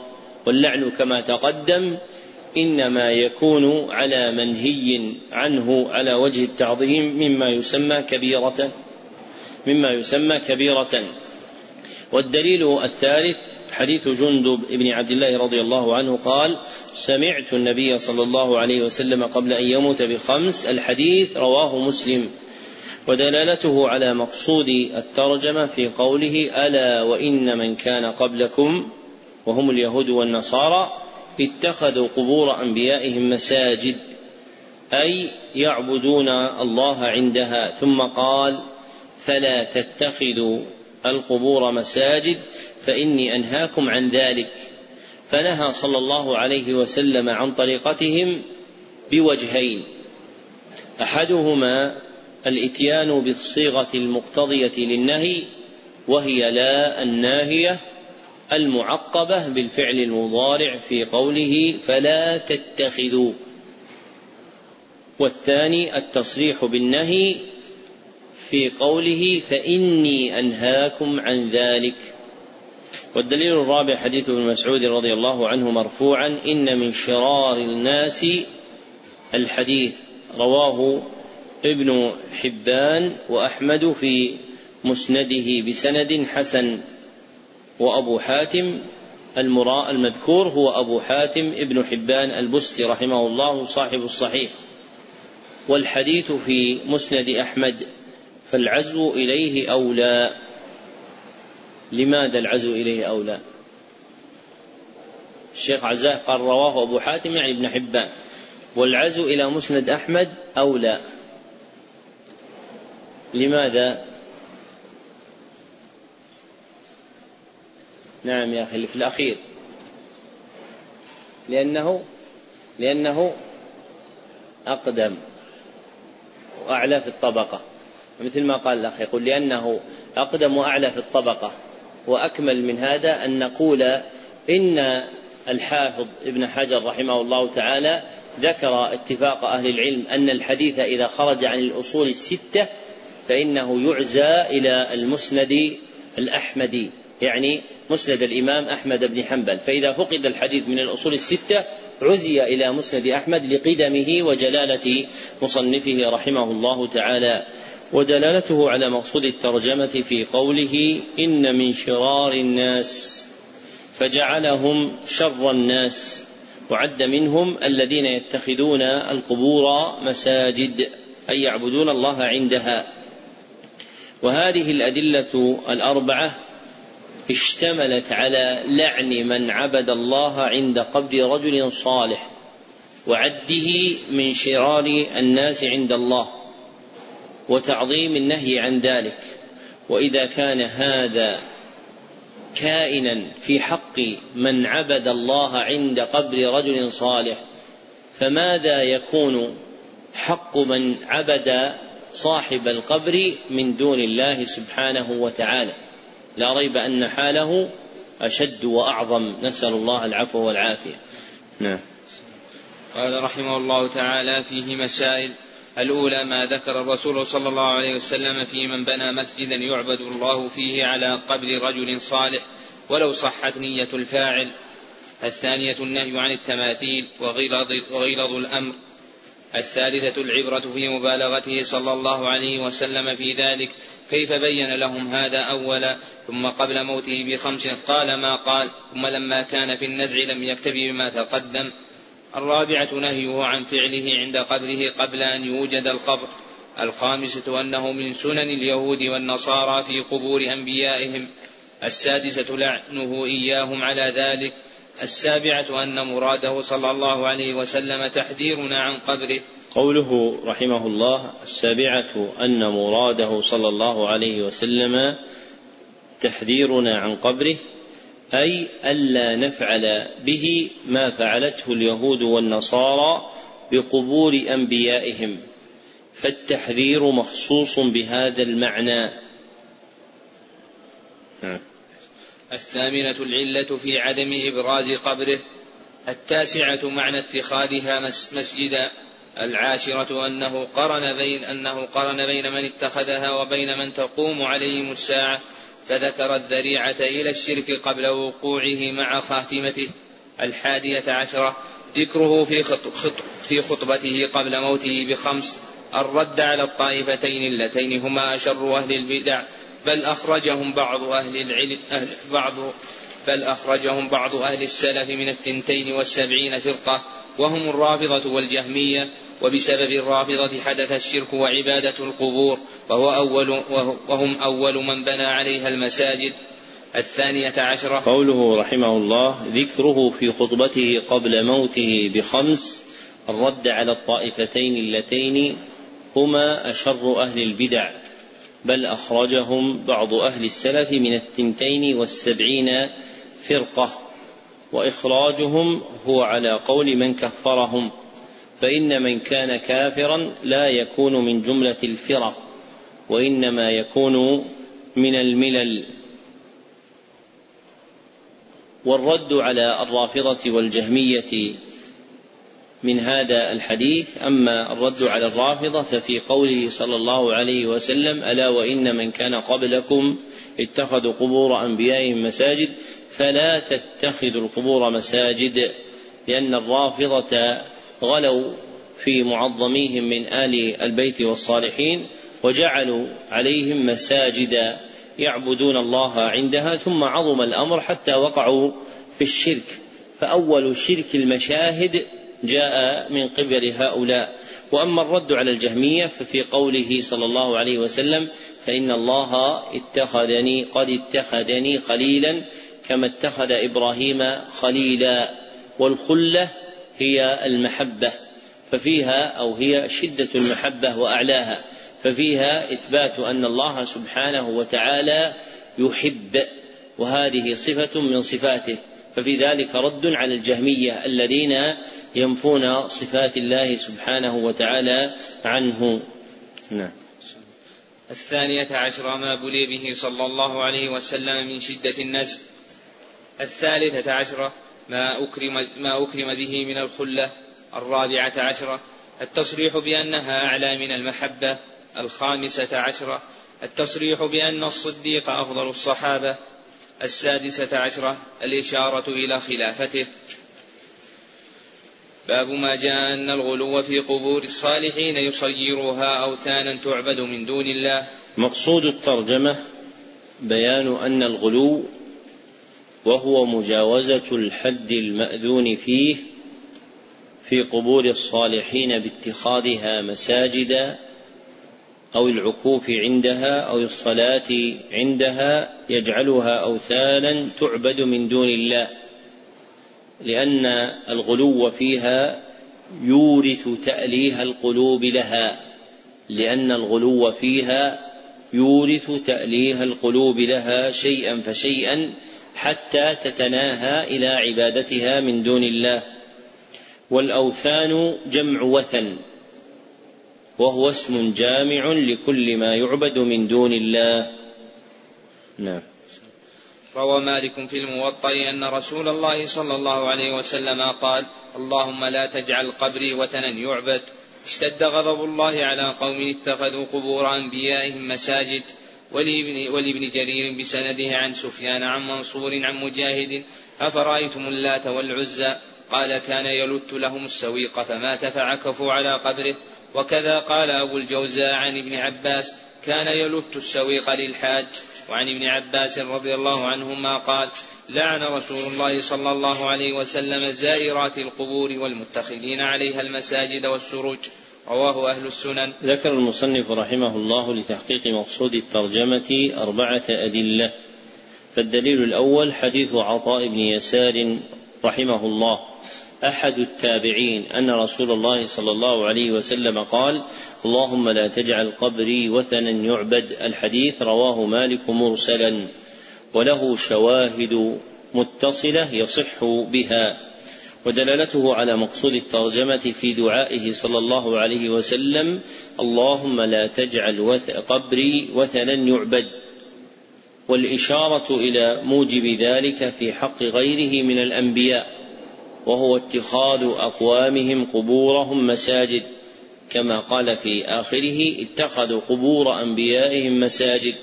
فإنهم لما غلوا فيهم بالاتخاذ المذكور صارت تلك القبور أوثانا تعبد من دون الله. والدليل الثاني أثر مجاهد رحمه الله في تفسير قوله تعالى أفرأيتم اللات والعزى؟ قال كان يلت لهم السويق فمات.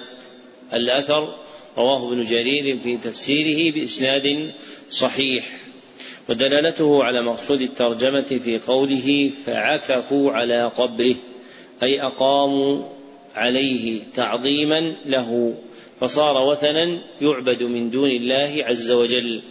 والدليل الثالث أثر ابن عباس رضي الله عنهما في تفسير الآية المذكورة قال كان يلت السويق للحاج. رواه البخاري. والسويق دقيق الحنطة أو الشعير ولته خلطه وبله بالسمن ودلالته على مقصود الترجمة في كون اللات رجلا صالحا غلوا فيه حتى عبدوه كما هو معلوم في تاريخ العرب قبل الإسلام فصار وثنا يعبد من دون الله. والدليل الرابع حديث ابن عباس رضي الله عنهما قال لعن رسول الله صلى الله عليه وسلم زائرات القبور. الحديث رواه الأربعة وإسناده ضعيف. وللجملة الأولى منه شواهد تصح بها دون الجملة الثانية وهي اتخاذ دون الجملة للجملة الأولى والثانية شواهد تصح بها. أما الجملة الثالثة وهي اتخاذ السرج فلا يثبت في تقويتها شيء وليس في الباب شيء صحيح فيها.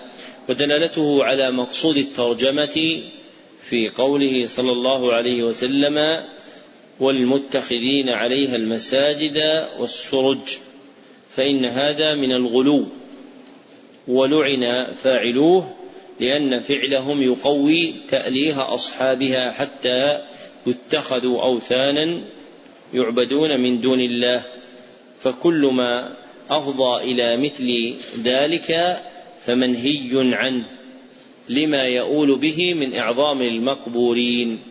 يعني كل شيء يؤدي إلى إعظام المقبور منهي عنه سدا للذريعة وحسما لمادة الشرك. وحينئذ يكون الحديث الذي فيه ذكر السرج وإن كان ضعيفا من جهة الرواية إلا أنه صحيح من جهة الدراية. لماذا؟ لأن اتخاذ السرج يفضي إلى تعظيم القبور التي توضع عليها. ثم إذا عظمت صارت أوثانا تعبد من دون الله عز وجل. وفي بعض البلاد هناك قبور ما هي معظمة بالسرج معظمة بخرق. فقط خرقة لا ترى إلا في النهار ومع ذلك لها عند عند أصحابها من العظمة الشيء الكثير. فكيف لو أوقد عليها في النهار في الليل سرج يرونها بها؟ نعم. قال رحمه الله تعالى فيه مسائل.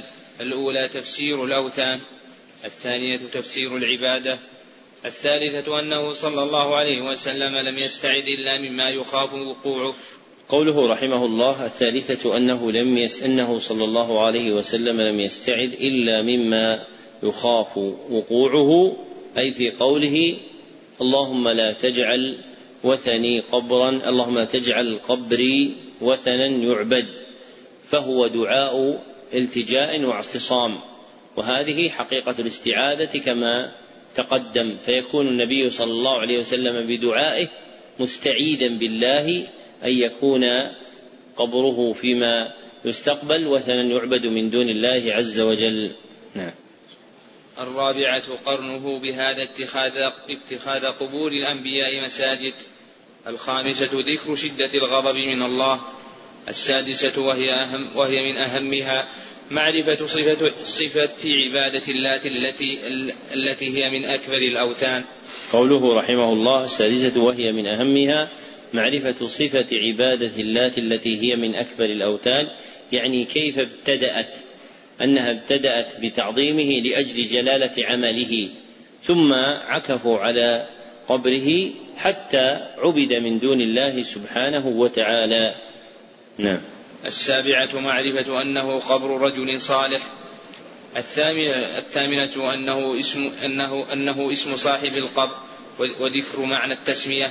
يعني اللات يعني اللات اسم صاحب القبر وتقدم أن اللات له معنى آخر وهو صخرة بيضاء منقوش عليها فهو اسم لصاحب القبر الذي قبر فيه واسم لصخرة عظيمة كانت قريبة من القبر شملها الاسم حتى صارت تسمى بالله فصار العرب يعظمون هذا وهذا وهذا حال الشرك إذا سرى بين الناس لا يزال في تزايد حتى يعظموا كل شيء.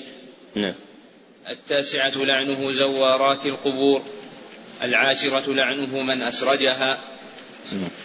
باب ما جاء في حماية المصطفى صلى الله عليه وسلم جناب التوحيد وسده كل طريق يوصل إلى الشرك مقصود الترجمة بيان حماية المصطفى صلى الله عليه وسلم جناب التوحيد أي جانبه من كل ما ينقضه أو ينقصه وسده الذرائع المفضية إلى الشرك. والأبواب المتقدمة فيها شيء من حماية الرسول صلى الله عليه وسلم جناب التوحيد إلا أن المصنف خصه بترجمة مفردة لإبرازه وإظهاره بحيث لا يخالطه غيره. وإفراده صلى الله عليه وسلم بوصف الحماية مع كونها موجودة في كلام الله وشرعه وقع لأمرين. أحدهما أن المصطفى صلى الله عليه وسلم كان هو أول قائم بهذا في هذه الأمة. أن المصطفى صلى الله عليه وسلم كان هو أول قائم بهذا في هذه الأمة. والآخر أن كثيرا ممن زلت قدمه في التوحيد أتي من قبل غلوه في المصطفى صلى الله عليه وسلم ورفعه فوق قدره الذي جعله الله له. فرعاية للأمرين المذكورين لم يقل المصنف باب ما جاء في حماية الشرع جناب التوحيد مع أنه كذلك وإنما خصه بالمصطفى صلى الله عليه وسلم دون سائر دلائل الشريعة تحصيلا للمراد المذكور. نعم. وقول الله تعالى لقد جاءكم رسول من أنفسكم عزيز عليه ما عنتم. الآية عن أبي هريرة رضي الله عنه قال قال رسول الله صلى الله عليه وسلم لا تجعلوا بيوتكم قبورا ولا تجعلوا قبري عيدا. وصلوا علي فإن صلاتكم تبلغني حيث كنتم رواه أبو داود بإسناد حسن ورواته ثقات. وعن علي بن الحسين أنه رأى رجلا يجيء إلى فرجة كانت عند قبر النبي صلى الله عليه وسلم فيدخل فيها فيدعو. فنهى وقال ألا أحدثكم حديثا سمعته من أبي عن جدي عن رسول الله صلى الله عليه وسلم؟ قال لا تتخذوا قبري عيدا ولا بيوتكم قبورا فإن تسليمكم يبلغني أين أين كنتم؟ رواه في المختارة ذكر المصنف رحمه الله لتحقيق مقصود الترجمة ثلاثة أدلة. فالدليل الأول قوله تعالى لقد جاءكم رسول من أنفسكم. الآية. ودلالته على مقصود الترجمة في قوله حريص عليكم. أي على هدايتكم وحصول النفع لكم في العاجل والآجل. ومن أفراد ذلك حمايته صلى الله عليه وسلم جناب التوحيد وسده ذرائع الشرك. والدليل الثاني حديث أبي هريرة رضي الله عنه قال قال رسول الله صلى الله عليه وسلم لا تجعلوا بيوتكم قبورا. الحديث رواه أبو داود وإسناده حسن. وله شواهد يرتقي بها إلى الصحة. ودلالته على مقصود الترجمة في قوله لا تجعلوا بيوتكم قبورا وقوله ولا تجعلوا قبري عيدا وقوله وصلوا علي فإن صلاتكم تبلغني حيث كنتم فهذان نهيان وأمر منه صلى الله عليه وسلم كلها تبين حمايته جناب التوحيد وسده كل طريق يوصل إلى الشرك. فإنه صلى الله عليه وسلم نهى اولا عن جعل البيوت قبورا بألا تعطل من الصلاة والدعاء وقراءة القرآن فتشبه القبور التي ليست محلا لما ذكر فإن القبور لا تتحرى العبادة عندها لئلا تفضي إلى عبادة أصحابها. ونهى ثانية عن جعل قبره صلى الله عليه وسلم عيدا فلا يزار على وجه مخصوص في زمن مخصوص غلقا لباب الغلو المفضي إلى الشرك. ثم أمر صلى الله عليه وسلم بالصلاة عليه حيث كان المصلي لأن صلاته صلى الله لأن صلاة العبد تبلغ النبي صلى الله عليه وسلم وإن بعد فلا حاجة لما يتوهمه المصلي من طلب القرب. فإن الله عز وجل وكل ملائكة يبلغون النبي صلى الله عليه وسلم صلاة أمته وذلك يتضمن النهي عن الإكثار من زيارته صلى الله عليه وسلم لئلا يتخذ عند قبره عيد. والدليل الثالث حديث علي بن الحسين بن علي بن أبي طالب رحمه الله عن أبيه عن جده علي رضي الله عنه وفيه القصة المذكورة رواه الضياء المقدسي في كتاب المختارة وهذا معنى قول المصنف رواه في المختارة أي رواه صاحب المختارة وهو كتاب للضياء المقدسي أحد محدثي الشام من الحنابلة. والحديث عند من هو أقدم منه وأولى بالعزو كأبي يعلى الموصلي في مسنده وإسناده صالح لا بأس به وله شواهد تقويه. ودلالته على مقصود الترجمة في الجمل الثلاث التي جاءت فيه والجملة الثالثة فإن تسليمكم يبلغني أين كنتم هكذا وقعت في مختارة الضياء. وهو قد رواه من طريق أبي يعلى الموصلي في مسنده بهذا اللفظ. لكن أبا يعلى الموصلي رواه عن شيخه أبي بكر بن أبي شيبة في كتاب المصنف والحديث عند ابن أبي شيبة وصلوا علي فإن صلاتكم وتسليمكم يبلغني حيث كنتم فلعل أبا يعلى الموصلي اختصر الحديث من رواية شيخه ابن أبي شيبة واقتصر على التسليم. ثم رواه الضياء المقدسي من طريقه بهذا اللفظ. ودلالة الحديث على المقصود هي في الجمل الثلاث حذو القدة بالقدة مع الحديث السابق. فإن جمله مجتمعة وفيها بيان الحكم الذي ترجم به المصنف رحمه الله. نعم. قال رحمه الله تعالى فيه مسائل. الأولى تفسير آية براءة. الثانية إبعاده أمته عن هذه الحمى غاية البعد. الثالثة ذكر حرصه علينا ورأفته ورحمته. الرابعة نهي نهيه عن زيارة قبره على وجه مخصوص مع أن زيارته من أفضل الأعمال. قوله رحمه الله الرابعة نهيه عن زيارة قبره على وجه مخصوص مع أن زيارته من أفضل الأعمال أي لأن زيارة القبور على الوجه المشروع سنة أي لأن زيارة القبور على الوجه المشروع سنة. وقبره صلى الله عليه وسلم أفضل قبر على وجه الأرض واتباع السنن من أفضل الأعمال. فالفضل راجع إلى العمل نفسه أي زيارة القبور. نعم. الخامسة نهيه عن الإكثار من الزيارة السادسة حثه على النافلة في البيت. السابعة أنه متقرر عندهم أنه لا يصلى. من الأشياء المهمة بالنسبة لكم يعني مثل قول الشيخ هنا الخامسة نهيه عن الإكثار من الزيارة. من يريد أن يعرف أن العقائد التي صنفها العلماء المعظمون عند المتأخرين كأبي العباس بن تيمية الحفيد أو ابن القيم أو الشيخ محمد بن عبد الوهاب رحمهم الله فلينظر إلى أدلة هذه العقائد من الكتاب والسنة وآثار الصحابة والتابعين وأتباع التابعين. ومما يؤسف له أن أكثر الذين شرحوا هذه الكتب لم يعتنوا بآثار الصحابة والتابعين وأتباع التابعين.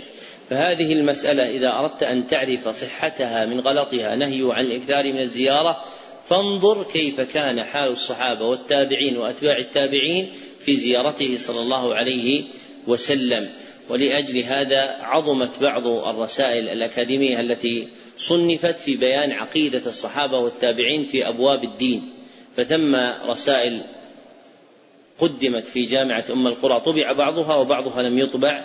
هي في بيان في نقل الآثار المروية عن الصحابة والتابعين وأتباع التابعين في أبواب الاعتقاد.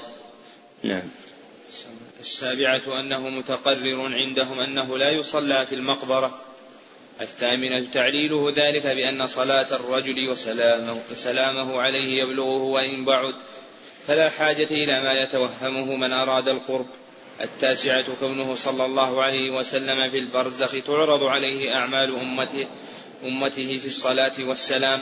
قوله رحمه الله التاسعة كونه صلى الله عليه وسلم في البرزخ تعرض أعمال أمته عليه أعمال أمته في الصلاة والسلام أي في قبره تعرض عليه أعمال أمته في الصلاة والسلام عليه لأنه صلى الله عليه وسلم يبلغ صلاة أمته وسلامهم عليه فمعنى العرض تبليغها له وذلك مختص بصلاتهم وسلامهم عليه دون سائر أعمالهم. نعم. باب ما جاء أن بعض هذه الأمة يعبد الأوثان. مقصود الترجمة بيان وقوع الشرك في هذه الأمة. بيان وقوع الشرك في هذه الأمة بعبادة بعضها الأوثان والرد على من زعم أنه لا يقع فيها شرك. نعم. وقول الله تعالى ألم تر إلى الذين أوتوا نصيبا من الكتاب يؤمنون بالجبت والطاغوت؟ وقوله قل هل أنبئكم بشر من ذلك مثوبة عند الله من لعنه الله وغضب عليه وجعل منهم القردة والخنازير وعبد الطاغوت وقوله قال الذين غلبوا على أمرهم لنتخذن عليهم مسجدا عن أبي سعيد رضي الله عنه أن رسول الله صلى الله عليه وسلم قال لتتبعن سنن من كان قبلكم حذو القدة بالقدة حتى لو دخلوا جحر رب لدخلتموه قالوا يا رسول الله اليهود اليهود والنصارى. قال فمن أخرجاه ولمسلم عن توبان عن توبان رضي الله عنه أن رسول الله صلى الله عليه وسلم قال إن الله زوالي الأرض فرأيت مشارقها ومغاربها وإن أمتي سيبلغ ملكها ما زوي, ما زوي لي منها وأعطيت الكنزين, الكنزين الأحمر والأبيض. وإني سألت ربي لأمتي ألا يهلكها بسنة بعامة. وألا يسلط عليها عدوا من سوى من سوى أنفسهم فيستبيح بيضتهم. وإن ربي قال يا محمد إذا قضيت قضاء فإنه لا يرد. وإني أعطيتك لأمتك ألا أهلكها بسنة بعامة. وألا أسلط عليهم عدوا من سوى أنفسهم فيستبيح بيضتهم ولو اجتمع عليهم من بأقطارها. حتى يكون بعضهم يهلك بعضا ويسبي بعضهم بعضا. ورواه البرقاني في صحيحه وزاد وإنما أخاف على أمتي الأئمة المضلين. وإذا وقع عليهم السيف لم يرفع إلى يوم القيامة. ولا تقوم الساعة حتى يلحق حي من أمتي بالمشركين. وحتى تعبد فئام من أمتي الأوثان. وإنه سيكون في أمتي كذابون ثلاثون كلهم يزعم أنه نبي. وأنا خاتم النبيين لا نبي بعدي. ولا تزال طائفة من أمتي على الحق منصورة لا يضرهم من خذلهم حتى يأتي أمر الله تبارك وتعالى. ذكر المصنف رحمه الله لتحقيق مقصود الترجمة خمسة أدلة. فالدليل الأول قوله تعالى ألم تر إلى الذين أوتوا نصيبا من الكتاب؟ ودلالته على مقصود الترجمة في قوله يؤمنون بالجبت والطاغوت. فإن أهل الكتاب من اليهود والنصارى آمنوا بالطاغوت وهو الشيطان فعبدوه لأنهم أطاعوه فيما سول لهم وزين من الشرك. حتى قالت اليهود عزير ابن الله وقالت النصارى المسيح ابن الله. وسيكون في هذه الأمة من يفعل فعلهم كما في حديث أبي سعيد الخدري رضي الله عنه الآتي بعده لتتبعن سنن من كان قبلكم وفسره باليهود والنصارى. والدليل الثاني قوله تعالى قل هل أنبئكم بشر من ذلك مثوبة عند الله ودلالته على مقصود الترجمة في قوله وعبد الطاغوت أي جعل منهم من عبد الطاغوت كما تقدم وهم أهل الكتاب كما في سياق الآيات. ولهم خلوف في هذه الملة يتبعونهم كما في الحديث الآتي فالآيتان بمعنى واحد في الدلالة على المقصود. والدليل الثالث قوله تعالى قال الذين غلبوا على أمرهم الآية. ودلالته على مقصود الترجمة في قوله لنتخذن عليهم مسجدا. فإن أهل الغلبة صيروا. أصحاب الكهف أوثانا يعبدونهم وكانوا في اليهود أو النصارى لأنهم هم الذين اتخذوا قبور أنبيائهم مساجد كما صح في الأحاديث المتقدمة. ورجح ابن كثير رحمه الله أنهم كانوا في اليهود قبل عيسى وهو المختار لأن حكايتهم مذكورة في التوراة. وكان أحبار اليهود يعظمون هذه الحكاية ويفتخرون بها. ولو كانت من أخبار أصحاب عيسى عليه الصلاة والسلام لما رفعت اليهود إليها رأسا ولا اعتنى أحبارهم بها ولا أدخلوها في الكتاب الذي حرفوه.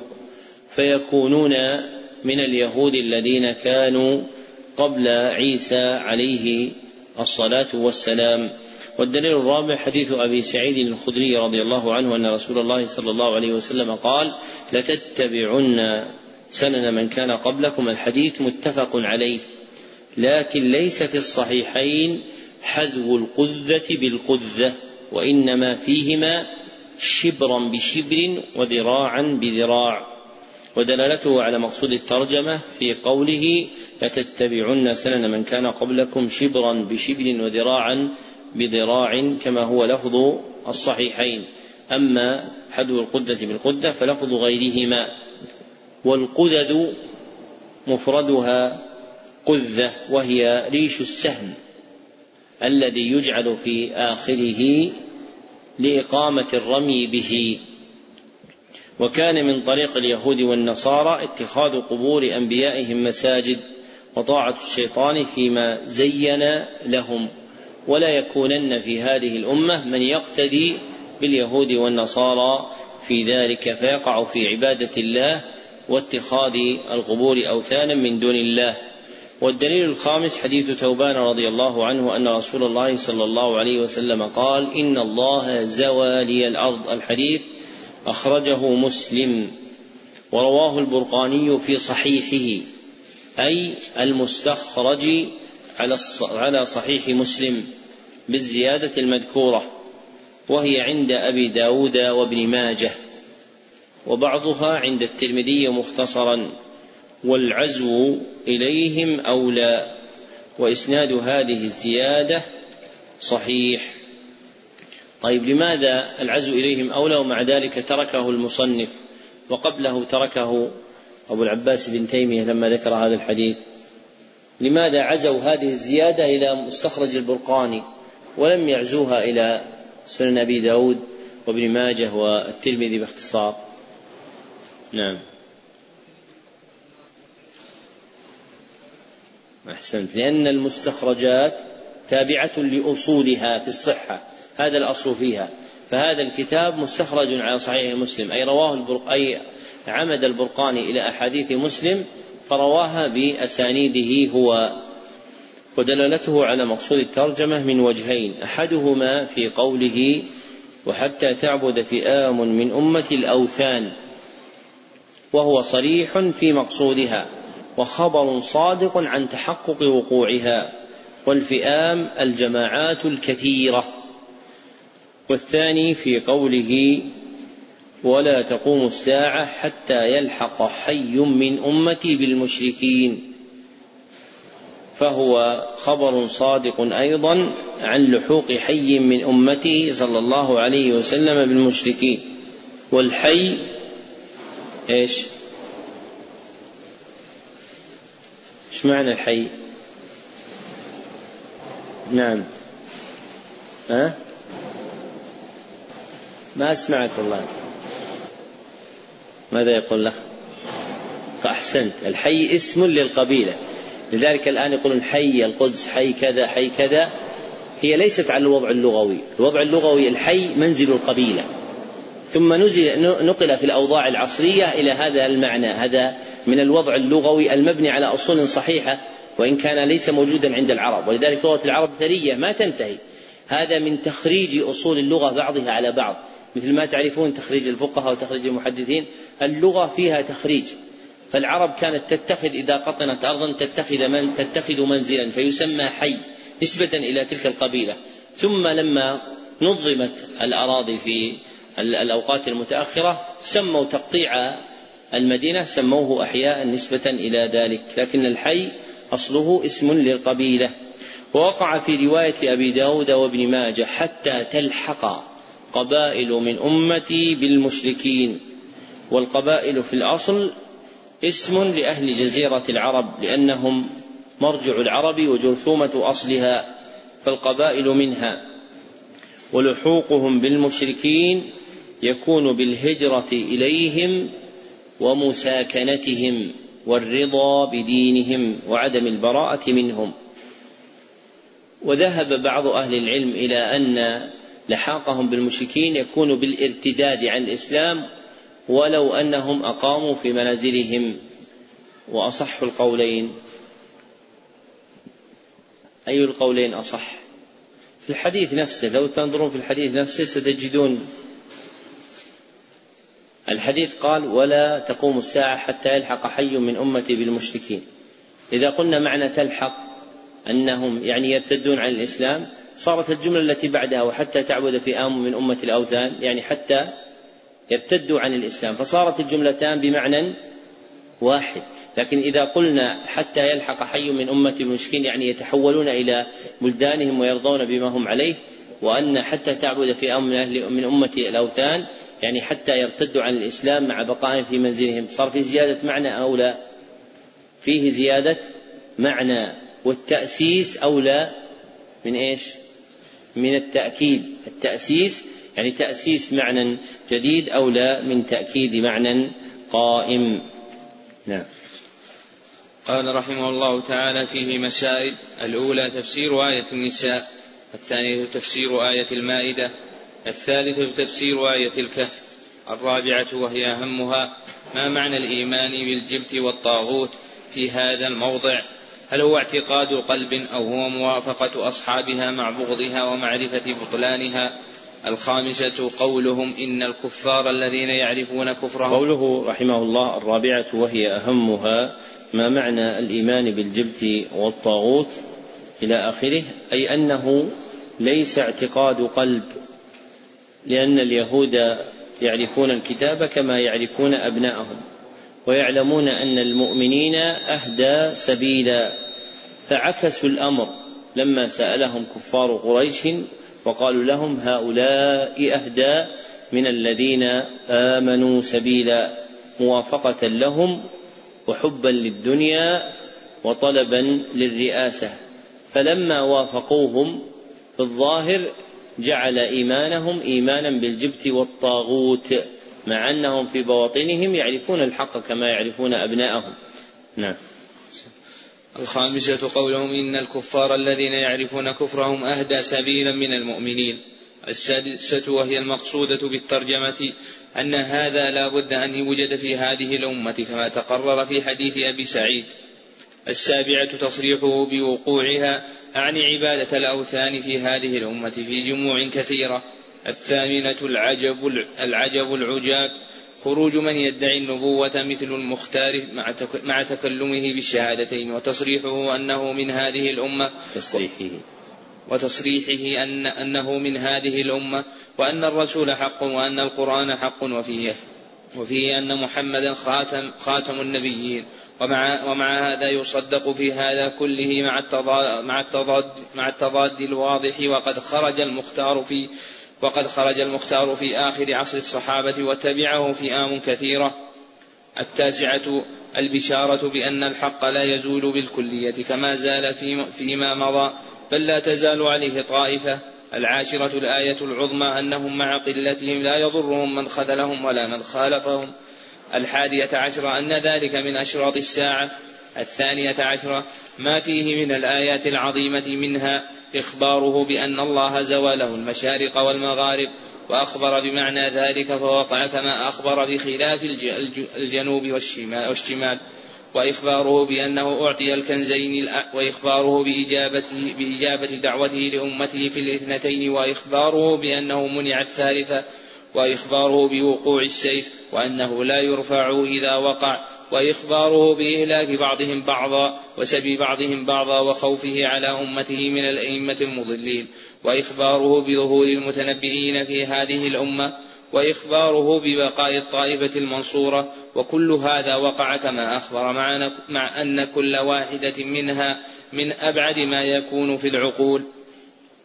الثالثة عشرة حصره الخوف على أمته من الأئمة المضلين. الرابعة عشرة التنبيه على معنى عبادة الأوثان. قوله رحمه الله الرابعة عشرة التنبيه على معنى عبادة الأوثان أي أنها لا تختص بالأصنام كما كان عليه مشرك العرب بل كل معبود من دون الله فهو وثن. نعم. باب ما جاء في السحر. مقصود الترجمة بيان ما جاء في السحر من الوعيد.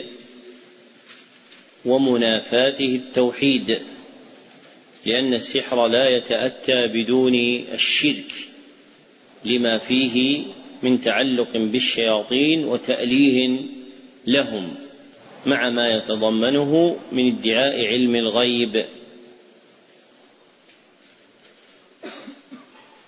والسحر اصطلاحا رقا ينفث فيها. مع الاستعانة بالشياطين. رقا ينفث فيها مع الاستعانة بالشياطين. إيش رأيكم في التعريف للسحر؟ لغة ولا اصطلاحا ولا شرعا السحر؟ خلنا واحد واحد. اللي يقول شرعا يعني كيف شرعا؟ أنت شرعا؟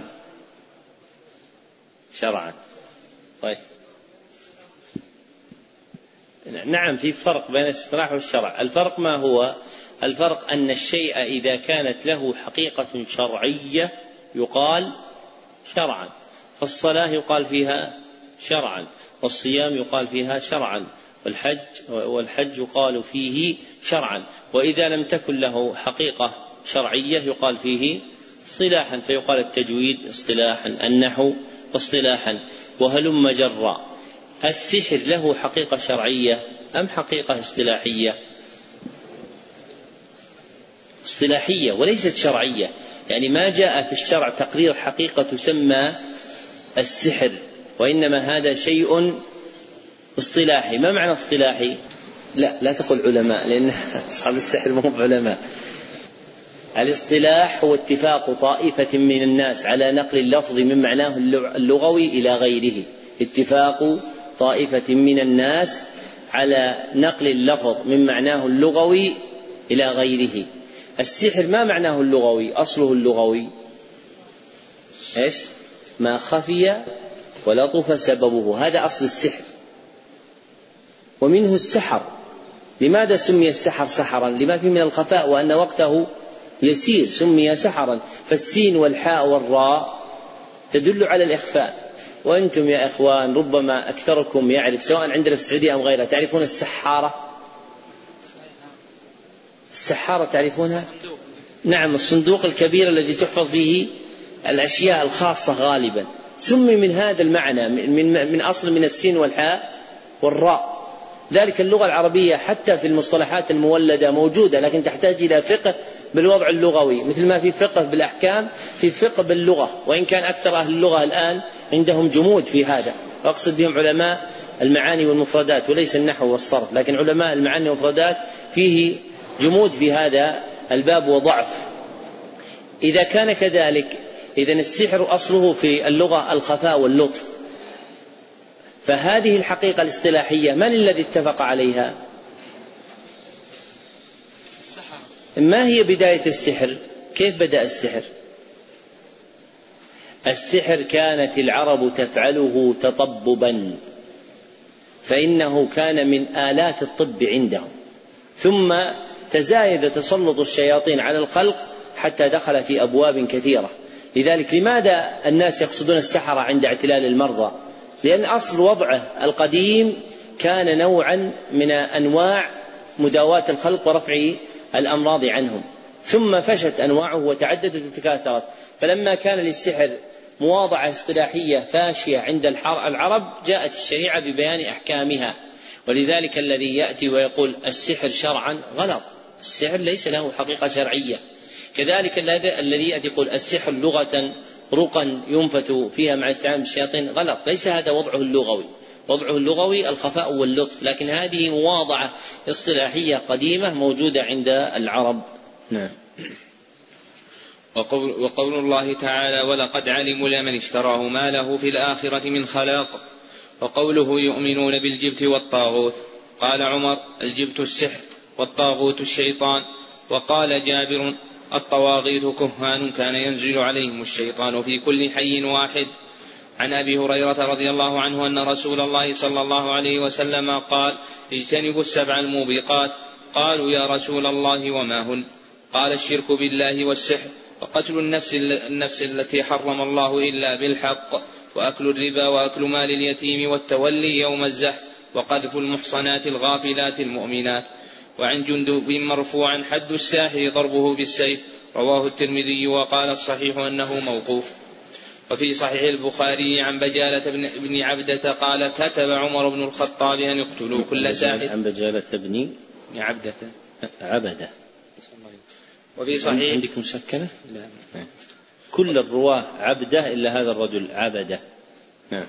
وفي صحيح البخاري عن بجالة بن عبدة قال كتب عمر بن الخطاب أن اقتلوا كل ساحر وساحرة قال فقتلنا ثلاث سواحر وصح عن حفصة رضي الله عنها أنها أمرت بقتل جارية لها سحرتها فقتلت وكذا صح عن جندب. قال أحمد عن ثلاثة من أصحاب رسول الله صلى الله عليه وسلم. ذكر المصنف رحمه الله لتحقيق مقصود الترجمة سبعة أدلة. فالدليل الأول قوله تعالى ولقد علموا لمن اشتراه الآية. ودلالته على مقصود الترجمة في قوله ما له في الآخرة من خلاق أي حظ من الخير في الآخرة. ومعنى الآية لقد علمت اليهود الذين استبدلوا السحر بكتاب الله فنبذوه وراءهم ظهريا بأنه ليس لمن اختار السحر وارتضى به في الآخرة من خلاق. والخلاق هو الحظ من الخير ونفيه يفيد كون المذكور معه من أعمال أهل الكفر. فإذا وجدت نفي الخلاق في آية أو حديث فالمراد نسبة ما فيه من فعل أو فاعل إلى الكفر والشرك. أشار إلى هذا إشارة لطيفة دقيقة الطاهر ابن عاشور رحمه الله في التحرير والتنوير ولسان العربية يصدقه. فالآية دالة على أن السحر كفر لنفي الخلاق عن متعاطيه فالخلاق كما تقدم النصيب من الخير في الآخرة ولا ينفى الخير في الآخرة إلا عن كافر خارج عن الملة فإن الكافر هو الذي يكون في الآخرة لا نصيب له من الخير البتة. والدليل الثاني قوله تعالى يؤمنون بالجبت والطاغوت. ودلالته على مقصود الترجمة في قوله بالجبت والطاغوت. فعلى تفسير عمر الذي رواه ابن جرير بسند حسن الجبت هو السحر. فيكون معنى الآية يؤمنون بالسحر وبالشيطان. وعلى تفسير جابر الذي رواه ابن جرير بسند صحيح عنه أن الطاغوت هو الكاهن وبين الساحر والكاهن مشاركة في الاستعانة بالشيطان فصح أن يكون دالا على المراد. والآية في ذم اليهود. وإنما يكون الذم على ترك واجب أو فعل محرم. وهنا ذموا على فعل محرم وهو إيمانهم بالسحر وركونهم إليه علما وعملا. والدليل الثالث حديث أبي هريرة رضي الله عنه أن رسول الله صلى الله عليه وسلم قال اجتنبوا السبع الموبقات. الحديث متفق عليه. ودلالته على مقصود الترجمة في عده صلى الله عليه وسلم السحر من السبع الموبقات أي المهلكات المأمور باجتنابها فهو من كبائر الذنوب المحرمة. والدليل الرابع حديث جندب رضي الله عنه مرفوعا حد الساحر ضربه بالسيف. رواه الترمذي وصحح وقفه وهو الصواب. ودلالته في كون الساحر يقتل بالسيف ولا يقتل العبد إلا في محرم وقتله إن كان مسلما فلارتداده على الصحيح. والدليل الخامس والسادس والسابع ما صح عن ثلاثة من الصحابة هم عمر وابنته حفصة وجندب ابن عبد الله رضي الله عنهم أن الساحر يقتل ولا يكون القتل إلا في محرم كما سلف. وأثر عمر رواه أبو داود وأصله عند البخاري لكن لم يخرج هذا اللفظ. ولوجود الأصل عزاه إليه المصنف. وأثر حفصة رواه البيهقي في السنن الكبرى. وأثر جندب رواه البخاري في التاريخ الكبير. وكلها صحيحة عنهم. فهو عن ثلاثة من أصحاب النبي صلى الله عليه وسلم. لا يعلم لهم مخالف أن الساحر يقتل. نعم. قال رحمه الله تعالى فيه مسائل. الأولى تفسير آية البقرة. الثانية تفسير آية النساء. الثالثة تفسير الجبت والطاغوت والفرق بينهما. الرابعة أن الطاغوت قوله رحمه الله الثالثة تفسير الجبت والطاغوت والفرق بينهما أي بالأثر الوارد عن عمر رضي الله عنه فإنه جعل الجبت السحر. والأصل أن الجبت في لسان العرب ما لا خير فيه. والسحر لا خير فيه. أما الطاغوت فهو الشيطان إذا أطلق على وجه الانفراد وتقدم أن له معنى آخر عام. والذي يدل عليه تاريخ اليهود أنهم يؤمنون بالجبت أي السحر وبالطاغوت أي الشيطان. فتفسير عمر أصح التفاسير المذكورة. نعم. الرابعة أن الطاغوت قد يكون قد يكون من الجن وقد يكون يكون من الإنس. الخامسة معرفة السبع الموبقات المخصوصة بالنهي. السادسة أن الساحر يكفر. السابعة يقتل ولا يستتاب. الثامنة وجود وجود وجود هذا في المسلمين على عهد عمر فكيف بعده؟ وهذا آخر بيان هذه الجملة من الكتاب على وجه مختصر يبين مقاصدها الكلية.